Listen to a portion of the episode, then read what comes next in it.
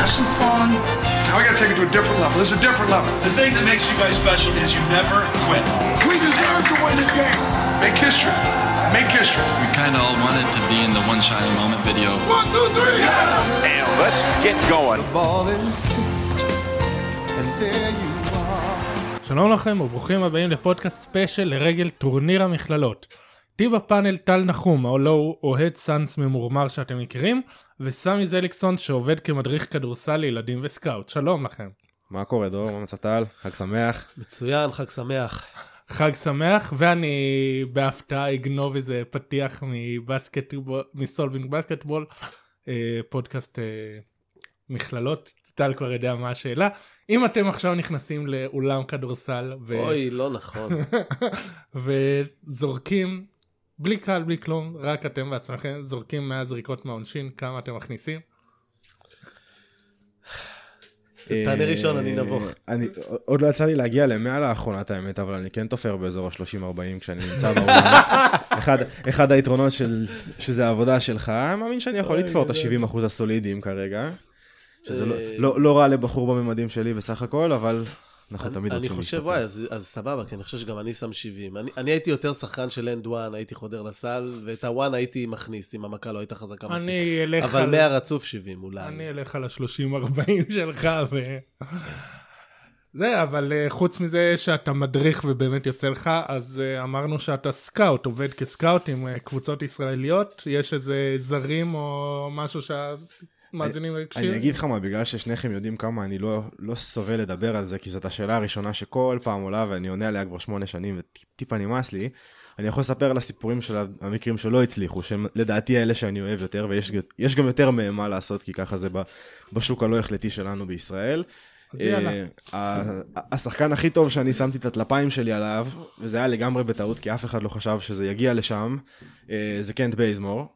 ההוא מאטלנטה שעכשיו עושה פודקאסט עם וינס קארטר.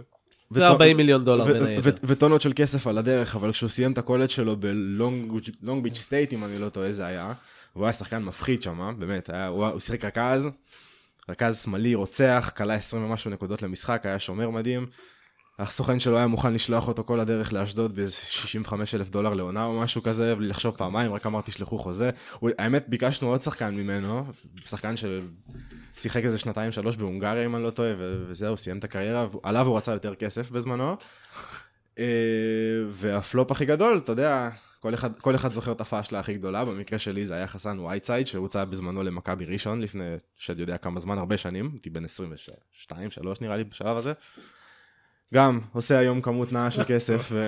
אז הש- קצת- מכ- אז מכבי, אז רגע, איך- מה- מי אמר לא ב- בקנט בייזמור לאשדוד, ובקטע של וייטסייד למכבי ראשון? בק- בקטע של קנט בייזמור אנחנו כולנו פוטרנו איזה יומיים אחרי שקיבלתי את המייל מה... מהסוכן שלו כי היה שם איזשהו מהפך קטן בעירייה ואז בהנהלה כ... כתוצאה מזה וקנט קיבל הזמנה לליגת קיץ לגולדן סטייט ו... אני, אני, היסטוריה? הוא לא פיטר את הסוכן שלו מאז אז אני מתאר לעצמי שהוא לא לגמרי סיפר לו. יכול להיות שהוא לא היה לגמרי גלוי איתו. אה, וייצד אני לא יודע מי אמר את, ה- את הלא הסופי אבל התגובה שלי בטוח לא עזרה כי כשהסוכן שאל אותי עליו הוא שיחק בלבנון בזמנו והוא היה באמת שחקן מאוד מאוד חלש. הוא היה אמנם נורא גדול ונורא אתלטי אבל הכדורסל היה די רחוק ממנו. הת- התגובה שלי הייתה כזה לא מה? כאילו, צחקתי על הבן אדם משהו כמו 20 דקות אז יכול להיות שזה זה בטוח לא עזר בוא נגיד ככה אני אפילו לא זוכר מי היה מאמן אז אבל זה בטוח לא עזר. טוב, אז... אה, אוקיי, אז מפאשלות אה, נגיע לבאמת אה, איך עושים את זה ומה עושים את זה, אז אצל סמי זה עבודה, אצל טל זה דרך חיים כי הוא בחר קבוצה שבתחתית. נמוך. כן, גם כמו הקבוצה. אז נניח אוהד NBA ממוצע, שהוא לא מכיר כל כך מכללות, רוב השמות שיגידו פה בשבילו אתם יכולים להמציא שמות כמו שטל עושה. אצלו בפוסטים. הוא רוצה לדעת איך להעריך שחקן. איך, איך, נתחיל עם איך סקאוטים עושים את זה. כמה משחקים בערך צריך... אה, מסתכלים ממש ממש טוב, אתה יודע, אה, כל אחד יש לו את ה... קשקשנו על זה קצת גם מקודם, פספסתם חבר'ה, מי שלא היה פה, פספסתם פה עניינים, עניינים ברומו של עולם. אה, כל אחד יש לו את הדרך שלו, אה, אני אישית אוהב לראות כמה שיותר. זה, קודם כל אני נהנה מזה, אתה מבין? זה נחמד, זה מרגיע אותי, אתה יכול לשבת, במיוחד כשזה משחק שאתה לא... צריך לאכול את כל הדברים הפחות נעימים שלו, הטיימאוטים והפרסומות והברברת של הפרשנים וזה. אז אה, זה רץ די מהר, זה, זה אשכרה 40 דקות נטו, אם אתה מריץ כל מיני זריקות עונשין ובזבוזי זמן וכאלה. ואני אוהב להתמקד בפרטים הקטנים האלה, אני הרבה יותר סקרן, רוב האנשים לא אכפת להם, נגיד לך את האמת, הם רוצים לראות את הכדור נכנס לסל, את הבן אדם חוסם את הזריקה, ואת הריבאונד וגמרנו, ולא אכפת להם מה הוביל לשם, ואיך ההוא שעמד פה ומשך את ההוא, בש... בשבילי זה מעניין, זה. זה, זה הכיף שלי, אז, אז זה יוצא יותר נחמד. כמה שיותר להסתכל, לדעת לבודד את, ה... את השחקן שאתה מסתכל עליו משאר המשחק, כי הרבה פעמים במיוחד עם שחקנים שמגיעים אלינו, הרבה פעמים הם לא כל כך מעורבים במשחק, אתה יותר תראה, יהיו יותר פוזיישנים שהוא לא יהיה חלק מההתקפה באופן אקטיבי מאשר הכדור יהיה אצלו ותוכל באמת לעמוד דברים. וזה גם חשוב, ככה אתה יכול לראות איך הוא עובד, ככה אתה יכול לראות איך הוא מבין את המשחק, אתה יכול לנסות להסתכל על המשחק מהעיניים של, שלו ולראות מה הוא חושב. זה, זה, אתה צריך להיות קצת משוגע, אין ספק, אבל למי שנמצא שם זה בהחלט אפשרי, אז למי שבתשובה לשאלה, רמת ההבנה שלך פחות משנה, זה יותר רמת החיבה שלך לרדת לפרטים קטנים, כי יש הרבה סקאוטים שבכלל אוהבים כדורסל. אגלה לכם ככה סוד, סוד מקצועי קטן אוקיי, ואפל. אוקיי, זה, זה, זה אז איך מפתיע. הם הגיעו לעבודה הזאת? אה, אנשים שאוהבים אנליטיקה, אנשים שאוהבים אה, פסיכולוגיה לפעמים, לזהות דפוסים, דברים בסגנון הזה. זה מזכיר לי שראיתי ראיתי משהו כזה על הימורים אגב. ש... שאנשים מהמרים בספורט והם בכלל לא מבינים בכלום. אבל יש להם אלגוריתמים וכל מיני דברים כאלה והם עושים מלא כסף. כן, אנחנו חיים, אנחנו חיים בזמנים מאוד מרגשים, מהבחינה הזאת אין מה להגיד. מעניינים. רק תזכרו שזה תמיד רק כלי וזה אף פעם לא כל המטרה, ואתה לא עושה כן. scouting בשביל analytics, אתה עושה analytics בשביל ה scouting. כן, אני תמיד, אני תמיד אה, אומר שכל הסטטיסטיקה וה analytics זה כמו, כמו באוכל, רוטב, זה כמו רוטב לסלט. לראות את המשחקים זה הסלט, זה הסטטיסטיקות וה analytics זה הרוטב. אפשר את הסלט בלי הרוטב, אי אפשר את הרוטב בלי הסלט. אלא אם כן אתה מוזר. אני אמנם שונא את ההשוואה הזאת, כי אף פעם לא אהבתי את השיעורים האלה, אבל זה קצת כמו לפתור תרגיל במתמטיקה, תמיד אומרים לך שהתשובה לא מעניינת, מעניינת הדרך. במקרה הזה זה נכון, כי אתה, אם, כמה שאתה שולט בדרך, ככה תוכל לחזות איזה תשובות יהיו לך בעתיד. אוקיי. כמובן, אתה אף פעם לא תחזה 100% מהזמן, אבל, אבל אתה נותן לעצמך צ'אנס יותר טוב ככה, זה בטוח. טל פה, והוא בטח זוכר את הטור של קווין ארנוביץ על פיניקס. מה, אז מה, מה, מה, מה? אנחנו חייבים כאילו? בטח. לא, לא? לא חייב. למה נראה לך שקראנו לך? אחת הפסקאות שם היא דיברה על ה scouting, ושלא גייסו scoutים חדשים, כי ג'ונס טוען שאפשר להשיג את אותו מידע מצפייה בסרטונים, ולא חייב scout שיהיה בעולם ויצפה במשחקים. אז מה אתה אומר על גישה הזאת? בוא נגיד ככה, זה לא מטורף כמו שהציגו את זה, כי כן כשאתה נמצא ב... בסופו של דבר כולם משתמשים בווידאו, וזה הכלי הרבה יותר שימושי מאשר אשכרה להיות שם, אבל יש משהו בלראות לראות משהו בזמן אמת, כמו לראות, קצת כמו לראות הופעה, כמו לראות כל דבר שקורה בלייב. אם זה מעניין אותך מספיק, אתה יכול לראות, וחשוב לך לדעת, כאילו במקרה הזה זה העבודה שלך, זה, הפרנסה שלך תלויה בזה, אז כדאי לך שזה חשוב לך. אה, זה, זה נחמד לראות, כי יש דברים שבאמת אתה לא יכול לראות בווידאו, את השפת גוף של הבן אדם כשהוא יורד לספסל, איך הוא מתנהל עם אנשים אחרים, אם אנשים אחרים נהנים לשחק איתו, מי שזה חשוב לו, כן? יש אנשים שגם רוצים להביא עובד. הבן אדם יבוא, אוקיי, הוא ייקח את הכדור, הוא יקלע, הוא יזרוק, הוא, הוא ייקח כמה ריבאונדים, זה מה שאני צריך. מי שחושב טיפה יותר בגדול, רוצה לראות אם הבן אדם משפר את השחקנים שמסביבו, אם הוא מגיב למשחק, אם הוא טיפוס חיובי, אם זה שחקן שאתה... זה יכול להסביר הרבה פעמים שחקנים ש... אתה, אתה תוכל להזדהות עם זה טל בצורה מאוד, אה, מאוד כואבת, אני בטוח שחקנים שיש להם סטטיסטיקות טובות אבל הקבוצה שלהם לא הולכת לשום מקום, בנדר? בנדר? לא חסר. אתה מדבר על אה, בוקר. נו, אה, שוטינג אתה. מדבר על אה, בוקר, אתה מדבר, בסדר, הבנתי, אתם מדברים על בוקר. אני- מסכים עם כל מה שהוא אומר, איזה- כיף שהוא בא, אני- אני אני חושב שאנחנו צריכים לסגור אותו באיזה- אקווריום כזה, ולהוציא כשאנחנו רוצים, ושיהיה לנו איזשהו... אני בטוח שמתפתחת כבר קבוצה של ילדים בעמק הירדן שלגמרי תתמוך ברעיון שלך, ממש עכשיו. קשוח, מאמן קשוח.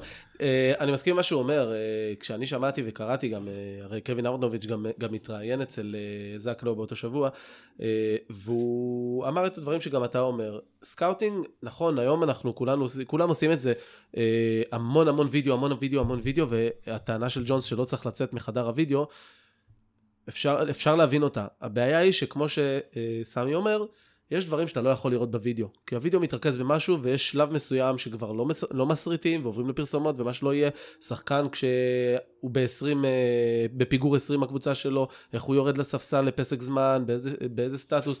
אגב, אני אזכיר פה איזשהו שם שדיברו עליו בשנה השנייה שלו, מרקיז קריס, שכולם חשבו שיש לו פוטנציאל אדיר. אז בשנה אני. השנייה שלו, כל הזמן שמענו על שפת הגוף שלו, איך הכתפיים שמוטות, הראש למטה, אה, הצורה שבה הוא מדבר, שהוא כאילו נורא תבוסתני. אנחנו יודעים איפה הוא היום, אה, או שאנחנו לא יודעים איפה הוא היום, כי הוא איפשהו באקרון. קליבלנד, כן. אה, כן, בקליבלנד. אבל זה, זה, זה תכלס נכון. אני יכול לתת לך את הדוגמה ההפוכה לזה, שזה משהו שאני, שחקן שאני אוהב להשתמש בו לדברים האלה, ג'ו אינגלס. מהמם. אם, אם תסתכל עליו ככה ב- בלי context, במבט מהצד, נכון. אתה תרצה להגיד לו, סליחה אדוני, משחקים פה כדורסל, כאילו כן, בוא... אתה לא שחקן כדורסל. תחזור, תחזור בבקשה לכיסא שלך ושנוכל להמשיך. כן, והוא נראה כאילו לא, קצת מעופף ולא מחובר ולא... ואז הבן אדם עולה למגרש והוא קוטש אנשים ואתה לא מבין איך זה קורה. נכון. אז אה, זה עובד לשני כיוונים, זה כן חשוב. ובסוף, בתכלס, באמת, ואני מאמין שבסופו של דבר גם, אה, אם לא כל העבודה תתבצע בחדר הוידאו, אז כמעט הכל. כן, יש גם, אנחנו, אנ- אנחנו כן רואים שרואים מספיק במצלמות. עובדה שקולטים במצלמות היום כל מיני של לברון יושב ככה וככה צעדים מהחברים שלו, ההוא אומר את זה, זה, כן קולטים דברים במצלמות. אבל אתה מדבר על לברון. שים לב שאמרתי לברון בשבילך. אתה, אתה, אתה מדבר על לברון, ולברון, לא משנה איפה הוא הולך, יש 15 מצלמות עליו ושלוש על השאר.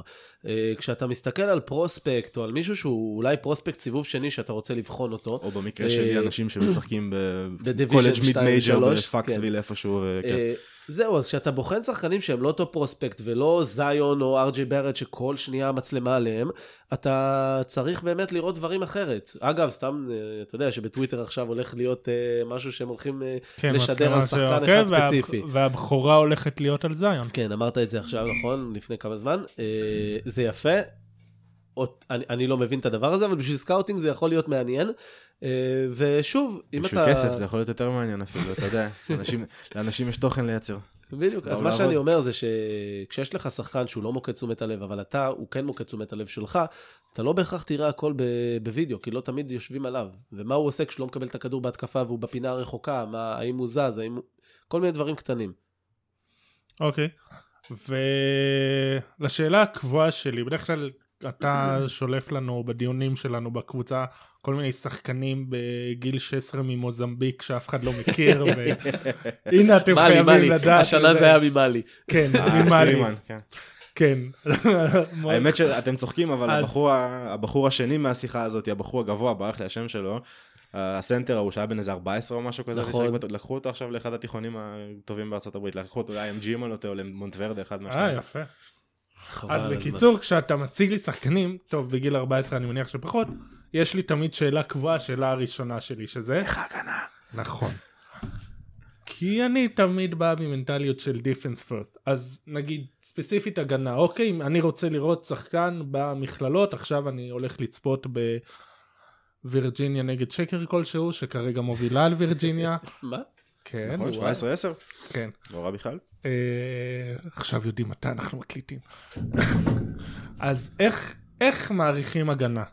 איך, איך יודעים להעריך, להעריך פוטנציאל הגנתי? אוקיי, ה- השיטה שלי מתחילה קודם כל משפת גוף של הבן אדם. אני, אתה יכול לראות בצורה נורא ברורה, ברוב השוטים של כדורסל בימינו, האם הבן אדם מכופף את הברכיים, האם הראש שלו למעלה, האם הוא נמצא בעמדת הגנה, כל הדברים הקטנים האלה שמלמדים אותך בקצ"ל. יש סיבה למה מלמדים אותם, למה הם כאילו, למה מלמדים אותם ולמה חופרים עליהם כל כך הרבה. אם, אם יש לנו פה שחקני נערים נוער שמקשיבים עכשיו לשיחה הזאת שלנו, לא מציקים לכם על זה סתם. אז אה, ברגע, ברגע שיש את זה, אז אתה יכול להבין שא', יש לך שחקן ממושמע, כי הוא אשכרה מבצע את ההוראות שנתנו לו, כי אין מאמן שלא נותן. אין, לא, לא יצא לי להכיר מאמן בשום רמה שאומר לבן, לאנשים שלו, תעמדו זקוף, אל תסתכלו על הכדור, השחקן שלכם יהיה איפה שהוא יהיה, אנחנו נסתדר, הכל טוב. גם לא, גם לא באזורית, אפילו שזה לפעמים נראה ככה. Uh, הדבר השני זה תקשורת.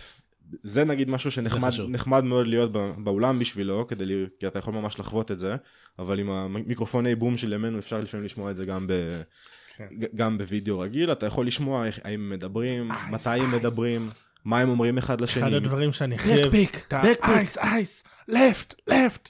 כן, האם יש להם קודים מצחיקים שאפשר, ל... שאפשר להשתמש בהם, כן, כל מיני דברים כאלה. משם אנחנו ממשיכים ל... זה עדיין בתוך הקטגוריה של השפת גוף ועמידה, סגירה לריבאונד, האם אתה עוזר עם הרגליים ולא עם הידיים, האם אתה מיישר זווית מול השחקן שלך כשהוא עם הכדור, כל, כל הדברים הקטנים האלה, כי בדרך כלל בכדורסל מקצועני אתה תיתקל הרבה באחד על אחד, וזה, ואם אין לך את הדברים האלה אז אתה תהיה פשוט נטל, אתה תהיה חשוף. אתה תשחק, אתה כבר לא משחק עם ילדים, אתה תשחק עם אנשים שזאת העבודה שלהם, שהם לוקחים הרבה זמן ומקבלים הרבה כסף בשביל לש- לשפר אותה כמה שהם יכולים, ואם אם אתה תיתן להם פתח, אם הם ידעו שאתה לא מכופף ברכיים, אתה לא מגיב מספיק מהר, אתה פותח צד מסוים, יענישו אותך. ולמאמן לא אכפת שאתה, זה לא קולג', אתה לא תהיה מספיק טוב, פשוט יעיפו אותך ויביאו מישהו אחר במקומך. אז, אה, אז שם אני אוהב להתחיל. אה, ואז אתה יודע, נכנסים כל האלמנטים הפ- הפ- הפיזיולוגיים כבר, הגובה, האורך, האתלטיות, האם אתה משפיע את הזריקה, האם... אני אתן, אני אתן לך דוגמה מהשיעורי בית שהכנתי, שעשיתי לפודקאסט הזה. אה, נאז ריד, הסנטר אוי. של LSU. אוי. אז הבחור טנק, אוקיי? הוא עצום, לא יודע אם יצא לך לראות אותו, הוא לא... תסתכל עליו מקרוב ואתה תראה שזה לא איזה שרירן או משהו כזה, זה לא איזה... הוא יכול להיות אחד כזה, אבל עדיין לא שם, כי בכל זאת ילד. עצום. הבחור ענק, מאוד רחב, מאוד זריז, מאוד אתלטי, יכול לכסות. בגלל שהוא מאוד זריז ואתלטי, משתמשים בו הרבה פעמים בחילופים גבוהים. כדי לקחת קלעים, מה שחושף לגמרי את הצבע שלהם, רוב הזמן. אז, אז אתה צריך לקחת, לקחת בחשבון האם כאילו, האם זאת בעיה שיש לו, או האם היכולת הטובה שיש לו במשהו אחד פוגמת לו במשהו אחר, כי ככה משתמשים בו. הכל צריך להיות עם context, הכל תמיד צריך להיות עם איזושהי כוכבית, כי אתה לא מאמן את הבן אדם, אתה לא נותן לו הוראות. כן, אחד לא הדברים. שאומרים תמיד על סיריקיוז או וושינגטון, שהם משחקים תמיד אזורית, אז קשה להעריך שם שחקנים. קל להעריך הם- איך, הם- איך הם עובדים באזורית, אבל גם, את- בגלל שאתה לא יודע, אתה, צריך, אתה תמיד צריך שיהיה לך את ה... לא להיות נחרץ, זאת הכוונה. בדברים, ב basics האלה, בעצמות, בכל העמידה ו- ויציבה והזזת רגליים, פה אתה לא יכול לטעות. אתה מבין? כי אף מאמן לא יגיד לך, אל תעשה את זה. זה הכל שאלה של כמה אתה משקיע. הדברים היותר גדולים, היציאות, הסגירות לפיק אנד רול, החילופים וזה, זה כבר בדרך כלל הוראות שהם מקבלים.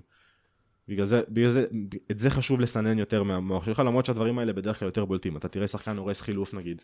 לא, למה לא יצאת לקלעי? למה יצאתם שניהם ביחד? למה לא דיברתם? לפעמים זה מה שהם אומרים להם, הם פשוט מפצים את ההוראה, ואתה יודע, משחקים מולם שחקני כדורסל, בדיוק כמוהם, אז הם ידעו לנצל את זה. אז זה הדברים החשובים, ואחר כך מגיעים לכל מה שאתה יודע, כל מה שנתפס כהגנה ב...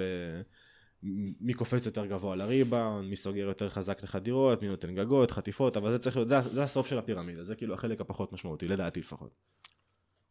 אני, אני אוהב את מה שהוא אמר, כי בסופו של דבר, אתה יודע, כולם, כולם אוהבים highlight ואומרים שדניאל גפורד הוא אחלה rim protector, כי הוא ענק והוא חוסם יפה וכולי, אבל גם אני אוהב להסתכל על השחקן סגנון קליי תומפסון, שעושה את הדברים הקטנים האלה, שגורמים לשחקן שלו לשנות את המשחק שלו, שאולי הוא לא יחסום אותך, אבל הוא יקשה לך על הזריקות, ואז אתה תקרא זריקות יותר קשות, והוא תמיד ישים גוף, והוא תמיד יהיה שם לפניך, ובנקודה, ו... ו...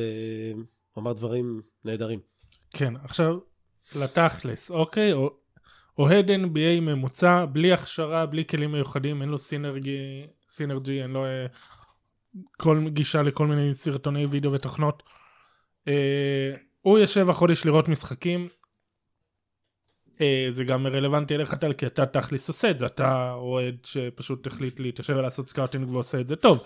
אז איך, איך, איך, איך מאזין שלנו יכול לעשות את זה עכשיו. הוא רוצה לראות את... אה, הוא לא יודע להבדיל כמוני בין גפורד, לנגפורד וגרלנד, אז כי אה, מתבלבלו לו, אז הוא רוצה ללכת, לשבת ולדעת להעריך.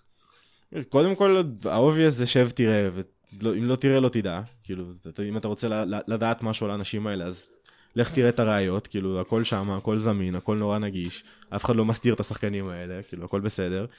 אמ, לדעת להבדיל בין מה שאתה לא אוהב למה שלא נחוץ או לא טוב, כי אתה יודע, לכל, לכולנו יש את הסגנון משחק שאנחנו אוהבים, ואיך אנחנו היינו רוצים לראות את, הכדורסל שלנו, אבל מה לעשות, כדורסל זה משחק שיש 200 דרכים לשחק אותו. זה לא, זה לא שאם הייתה רק, פורמולה אחת לאיך לשחק, אז כולם היו עושים את זה, בכל זאת. מושקע בתחום מספיק כסף, ומספיק אנשים חוק- חוקרים אותו כדי שהפתרון לא יהיה כזה פשוט. ותשמעו, מפה לשם, כאילו זה כבר, אין באמת הכשרה לזה, לפחות שאני יודע עליה, אני לא עשיתי שום הכשרה. כאילו, פשוט ישבתי ו... ישבתי וניתחתי והוצאתי את מה, ש... מה שהיה נראה לי נכון, ואתה מקווה לטוב, אין מה לעשות, הרי בסופו של דבר עוד פעם, אתה לא מאמן את השחקנים האלה בסוף, אתה לא... אתה לא זה, אתה תלוי במישהו אחר בכל שלב של, המ... בכל שלב של המערכת, בכללי בספורט, לא רק בכדורסל. אז uh, תהיה חוצפן, ת, תדע להבדיל את החרטא ממה שחשוב, באמת, כל אחד ומה שחרטא מבחינתו, ותקווה לקבל הזדמנות, זה היה, המחסור הגדול הוא בהזדמנויות בעסק הזה, לא ב... לא, הוא לא, עכשיו- לא אח- מישהו בשביל להיות סקאוט אה, מקצועי, אלא בשביל, גם- בשביל ידע אישי. גם בשביל עצמך, אותו דבר, אתה פשוט מסתכל, מסתכל וחושב מה, אתה רואה מה, מה נראה לך, לומד לס- לסנן את מה שחשוב ומה שלא חשוב, אתה יודע, ניסוי וטעייה כזה של... אם, אם חשבת כמה פעמים ששחקן שחוטף הרבה כדורים הוא בהכרח שחקן הגנה טוב, ואז אתה רואה אותו משחק במשחקים חשובים ופתאום הוא שחקן, מסתבר שהוא לא שחקן הגנה כזה טוב, אז אתה יכול להבין שזה כנראה פחות חשוב ויש דברים שהם יותר קריטיים ל... שהוא מהמר. מהמר, והוא משאיר. חשוף. שהוא מהמר שמשאיר חשוף, שהוא נותן לשחקן שלו, אם הוא לא מגיע לכדור, הוא, הוא לא בבלנס, הוא נותן לשחקן שלו פתח להתקדם, כל מיני דברים כאלה. וזהו בגדול, אתה מבין? זה לא... זה משחק פשוט בסופו של דבר, זה, זה הכיף בו, זה מה שהופך אותו לכל כך נגיש, כאילו. אז בשונה, בשונה למשל מפוטבול, שיש בו 200 אלף חוקים ועצירות, ו-. וצריך צריך לבוא עם איזשהו... עם, עם מכינה קדם צבאית ל... יום אחד לפני אני צריך לשבת משחק. ובאמת להבין את החוקים של פוטבול, גדול עליי. אם אתה רוצה, יש אני- לי... אה, לא, לא. בוא נגיד, זה לא מאוד. מסובך, אבל זה לא כדורסל או כדורגל, זה לא כזה עממי ונגיש. אני חושב שלשאלה ששאלת עכשיו, אז אולי מה שאני עושה אולי קצת יותר רלוונטי, כי זה נכון. מהצד של אוהדים. אז אני יכול להגיד לכם מה אני עושה, וזה זה לא פשוט, זה הרבה עבודה, אבל מכיוון שיש לי עבודה במשרה מלאה, אה, וזה יותר תחביב, אה, סמי, סמי יושב מבוקר עד ערב על המחשב במהירויות, רואה סרטונים במהירויות גבוהות, ו, ו, ו, ופשוט רץ על זה. אני, אני עושה את זה אחרת. אני קודם כל עוקב בקיצים, ובשנה שלפני אני עוקב אחרי uh, שחקנים ברמת איקס כוכבים שמגיעים למכללות, ואז אני רושם לעצמי אותם, uh, לסמן לי, לעקוב, מי, uh, מי הולך לסיטואציה טובה, uh, ואז אני מנסה לעקוב אחרי השחקנים האלה ולראות באמת מי מהם מקבל דקות, מתפתח, במהלך השנה, אם הם פתאום מקבלים דקות. יש לך דוגמה של שני שחקני סנסציות יוטיוב. שהם באמת בשני הצדדים של הסקלות, אני בטוח שאתם מכירים את ג'וון קווינרלי ואת אה, מאק מקלנג, שבשנים האחרונות רצים על יוטיוב מדהימים, נראים מדהים. הגיעו, אחד הגיע לווילנובה, לא מקבל דקות, זה ג'וון קווינרלי, שדווקא הימרתי שהוא יהיה יותר טוב. אה, והשני, מאק מקלנג, התחיל גם כן חלש, ופתאום הוא הרבה יותר טוב. אז באמת אי אפשר לדעת, בתיכונים זה לא אומר כלום, אני לא עוקב אחרי תיכונים. אז מה שאני עושה בעצם, אני עוקב אחרי השחקנים האלה ש... רמת חמישה כוכבים, ארבעה כוכבים וכולי, ומנסה לראות את הקבוצות שאני יותר אוהב לראות, שיש להם תוכניות כדורסל טובות, שהכדורסל שלהם, אני אוהב אותו. אה, כמו שהוא אמר, אתה בוחר את מה שאתה רוצה לראות, מה שנוח לך וכיף לך לראות, אז אני רואה יותר וירג'יניה, יותר וילנובה, יותר אה, קבוצות ש- שהכדורסל שלהם יותר נעים לעין בתכלס. אני רואה הרבה כדורסל לא נעים, לא כמו סמי, אבל הרבה כדורסל Division 1 לא טוב כדי לראות שחקנים ספציפיים ולראות מה הם שווים. אבל איך אני, איך אני מגיע לשחקנים האלה? הם קופצים לי מהמסך. זאת אומרת שאת השחקנים שאני לא עוקב אחריהם, אני עוקב אחרי כל Division 1 מבחינת ה box score, ומי שפעם אחרי פעם אחרי פעם באמת קופץ לי מהמסך, אני יכול לתת דוגמה את ריי יאנג בשנה שעברה, שבנובמבר קלטתי כמה משחקים שלו וכתבתי עליו, אני חושב, ראשון בארץ, אה, בתחילת אה, דצמבר.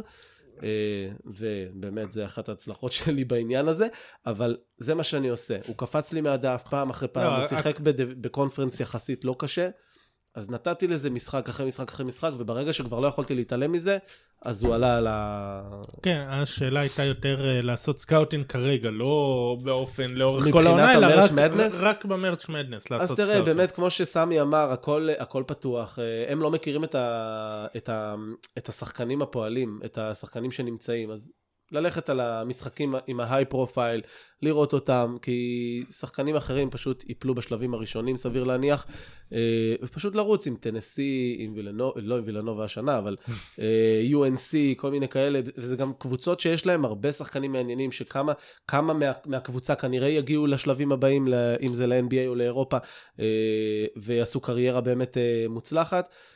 מעבר לזה, פשוט לראות כל משחק עם מרץ' מדנס פשוט כיף. טוב, ושאלה שקיבלנו בנוסחים שונים משלושה אנשים, גם ברק מונק, גם עומר נווה, גם אמיר בראון. מה המשקל של הטורניר עבור scouting? מה הקשר, האם יש קשר בין הביצועים בטורניר ליכולת במכ... ב-NBA? כמה, כמה משקל מייחסים לזה כשבאים לעשות scouting? בוא נגיד ככה, זה נותן לך אינדיקציה נחמדה של איך, איך הם מגיבים לסיטואציית לחץ. זה כן סיטואציית לחץ ספציפית בסוף, כי אתה מבין? כי אתה משחק בין מה, משחק לחמישה, שישה, וכל משחק הוא חיה בפני עצמו, והמון, וזה סיטואציות שגם לך תדע כמה יהיו להם בחיים, כל כך הרבה קהל, כל כך הרבה אהדה, הדברים האלה מייצרים הרבה יותר עניין מ...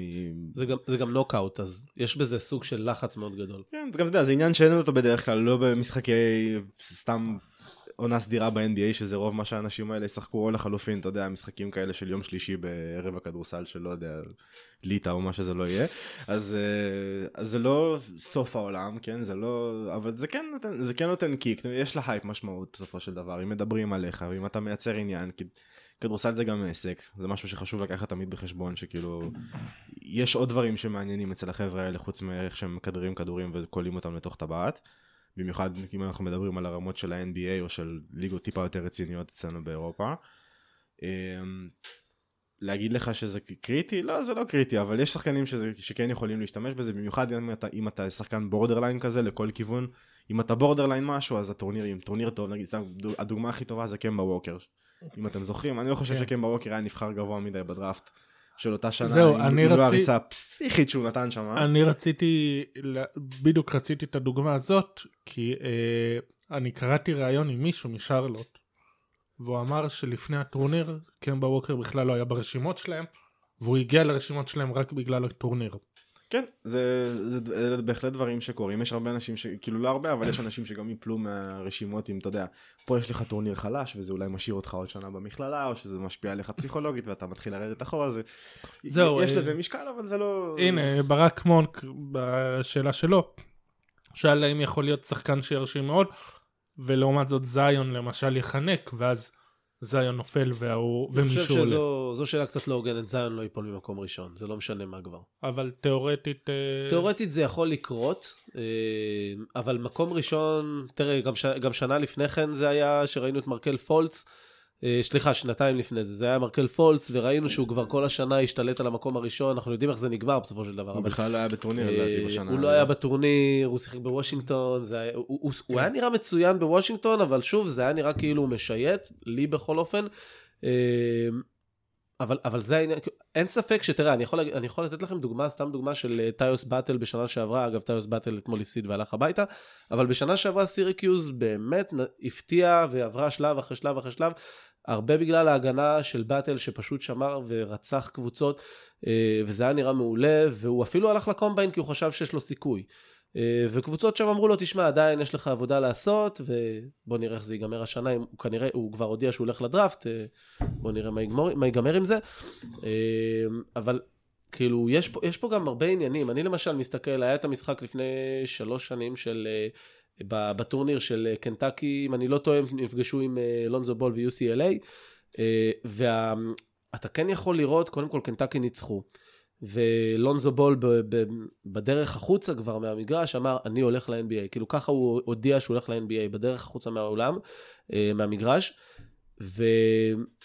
ובמשחק הבא, אם אני לא טועה, זה היה שקנטקי הפסידו, או שני משחקים אחריו, אני לא זוכר בדיוק, כי זה היה באמת לפני הרבה זמן. אה, היית רואה ששאלו את אה, דיארון פוקס, באו, שאלו אותם את הדברים האלה, והוא אמר, חבר'ה, אני עם החברים שלי, זה לא, זה לא הזמן עכשיו.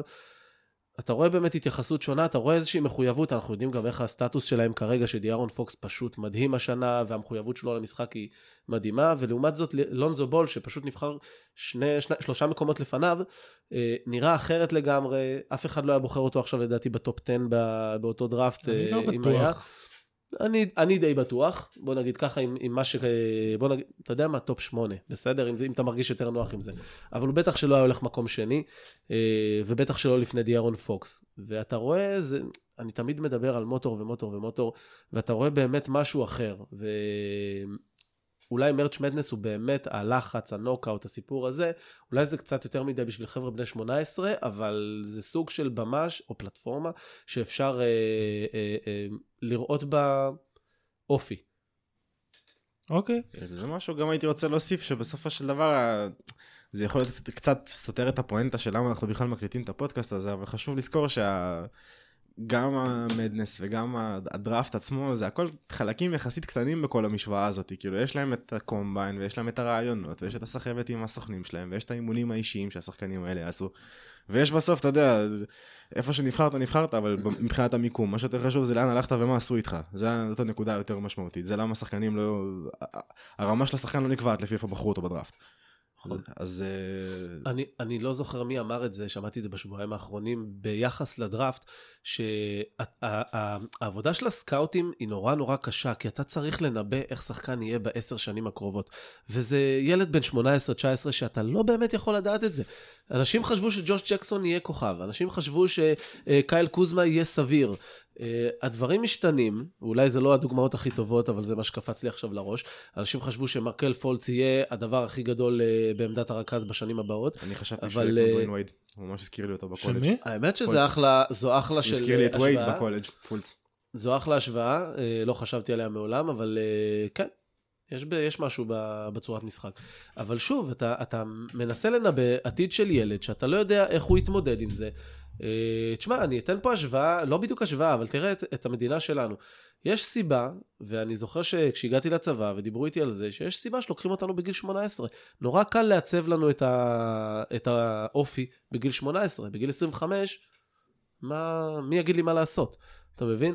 כן. וזה, וזה הסיפור, לוקחים ילדים בני 18 שהם רק מתחילים את החיים שלהם, והם היו בבית ספר עד כה, והם צריכים להיות מקצוענים ולדעת להתנהל עם פתאום עם הרבה כסף, פתאום עם אה, הרבה ציפיות. לא תמיד, לפעמים, לפעמים קורסים. אני אגיד לך משהו שביל בליצ'ק אומר כל הזמן, וזה משפט ממש טוב, זה- זה בן אדם שהוא כאילו אלוהים של scouting. אה, אלא אם כן זה שחקני הגנה. אלוהים של scouting, לא משנה, כל כך- גונבים ממנו לכל כך הרבה ענפים שאני חושב שהוא יכול פשוט בשלב הזה לפרוש, לקנות לעצמו איזה אי, כמו דוקטור איבל כזה, אתה יודע, להביא לשם לייעוצים את כל ה... כי גוורדיאולה היה אצלו ופופוביץ' היה אצלו, זה כאילו זה לא נגמר. אה, הוא כל פעם, שומעים אותו אומר את זה הרבה ב- בראיונות ובדוקואים על הדראפט כאלה, ואתה לא יודע, אני לא יודע מה, מה יהיה איתך, אבל אתה יכול לשחק. זה כאילו, you can play ball, ככה הוא כל הזמן אומר עם הקול הזה שלו, I don't know what you can do, but you can play ball. אז זה ככה, זה ממש ככה, אתה לא יודע, אתה לא יודע מי יאמן את הבן אדם, אתה לא יודע מי יהיה GM, מי השחקנים שיהיו לידו, איך הם יקבלו אותו, איך הוא יתמודד עם הכסף, מה תהילה, מה המשפחה שלו, זה כל כך הרבה משתנה, יש את האנשים האלה שאומרים, אני ראיתי אותו ואני ידעתי שהוא... טוב אחי, בסדר, סבבה, בעולם האמיתי, יש טיפה יותר, יש כאילו כל כך הרבה משתנים לדבר משתנים, הזה, ש... נכון. תתרכז בזה שהוא יהיה שחקן, ויש לנו, ברגע שנדע שיש לנו שחקן, בוא נראה מה אנחנו עושים איתו, בוא נראה אם אנחנו הופכים אותו לאלפא שלנו, למספר 1, למספר 2, למספר... קליי תומפסון אף פעם לא היה המספר 1 של הקבוצה שלו, למשל, אף אחד לא נראה לי כועס על זה. לא. בגולדן סטייט, נכון? לא. כאילו... אני לא חושב שקוואי לנארד מתבאס על מישהו שהוא נבחר 15 בדראפט, או שפול ג'ורג', פול ג'ורג' נבחר 13, נכון? משהו כזה. פלוס כן. מינוס. אני לא חושב שהוא כעס על אף אחד להיות המחליף של דני גריינג'ר, שמאזיננו בטח לא כל כך סגורים על מי זה כבר בשלב הזה. ו- ועכשיו הוא, אני לא חושב שג'יימס הרדן כועס על זה שבחרו את האשים תאביט לפניו וכל מיני שטויות כאלה, כאילו זה בסדר, זה, זה באמת לא כזה משנה, עם כמה ש... זה, זה הורס את כל ה glory וה... דריימונד והכיף גרין. עדיין זוכר את כל מי שנבחר לפניו. טוב, דריימונד גרין הוא אחד ויחיד. טוב, אה, עבר, אמרת את האלפא, אז אה, נעבור ל bracket שלנו, ואנחנו נתחיל לפי המבנה ב-ESPN, שמאל למעלה במזרח ולפי כיוון השעון. אז המזרח, המו- המדורגת שם מספר אחת, זה דיוק. ו... והרוב גם ב-ESPN, גם אצלנו בקבוצה, הלכו עם דיוק. כי מה שמכירים זה זיון. אז אה, אמרת אלפא, אמרת... האם זיון יכול לסחוב את דיוק עד לתואר? האם הוא יכול? כן, ברור יכול, שהוא יכול לראות איך הבן אדם נראה, כאילו. אני חושב שאם יש שחקן שאפשר להגיד שהוא זה שיביא את הקבוצה שלו לתואר ספציפית, כמו שבזמנו היה את גרג אודן, אז uh, אני חושב שזיון הוא פשוט השחקן, איתו או בלעדיו, דיוק עדיין היא קבוצה טובה, אבל איתו היא, כולם מהמרים שהיא תיקח. אני, אני אומנם מעדיף שלא, אבל כרגע רוב האנשים גם חושבים שדיוק עם uh, זיון היא פשוט חיה אחרת לגמרי.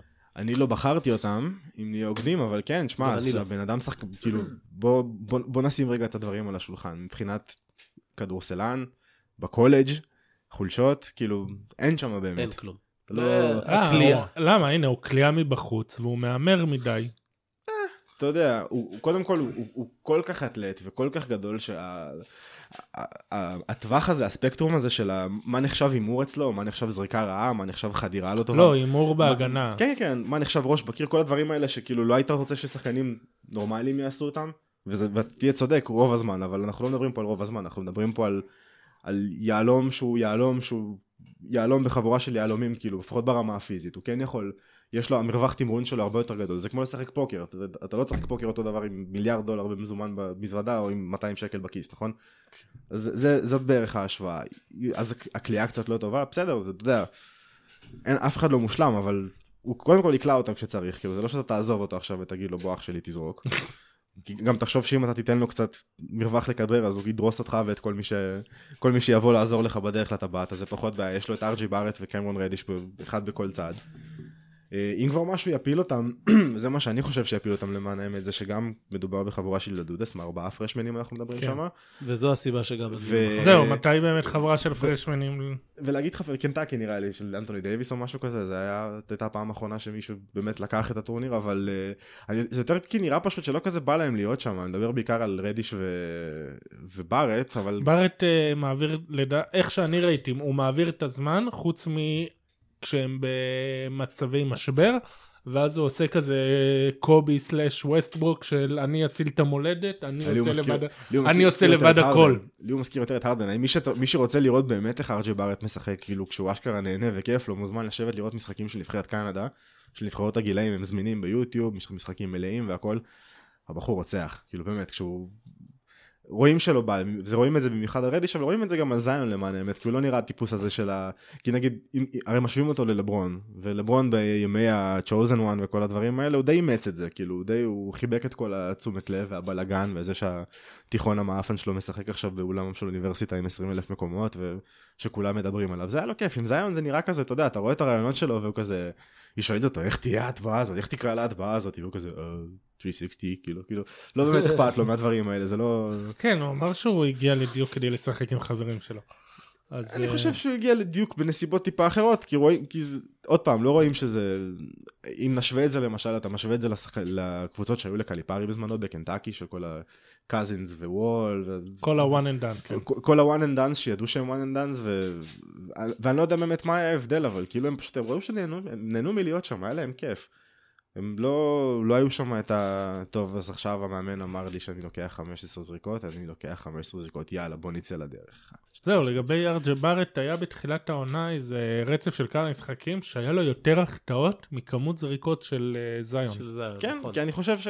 נראה לי שגם ששבסקי קצת לא היה לו כוח, לקח את המחזור הזה כי הוא אמר, טוב בוא ניתן להם לעשות את העניינים שלהם, לא צריך לחפור להם יותר מדי עם, עם הוראות ועם טקטיקה, וגם ככה כן, זה לא פשוט, בטוח אה, יקשיבו. ו...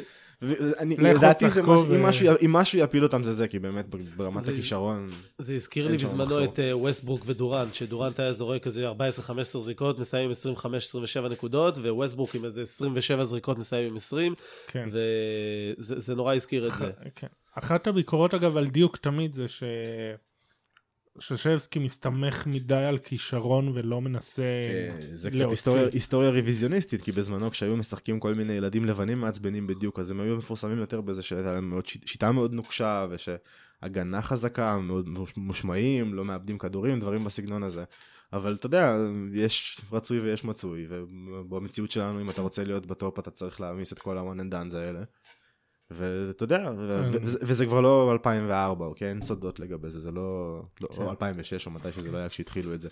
הם יודעים שהם באים והם יודעים בדיוק כמה כסף הקולג' אנחנו בעידן המידע הרי הם יודעים כמה כסף הקולג' עושה מהם וכמה הם מפספסים וכמה כל ומזכירים להם את זה כל הזמן ומטפטפים להם שהם לא רוצים להיות שם מכריחים אותם אז אי אפשר, אי אפשר זה קצת לא לא הוגן אפילו לצפות שהם יהיו כאלה ב-200% מחויבות ולחמו בשביל הסמל כאילו של מי בואו בוא נהיה רציניים רגע.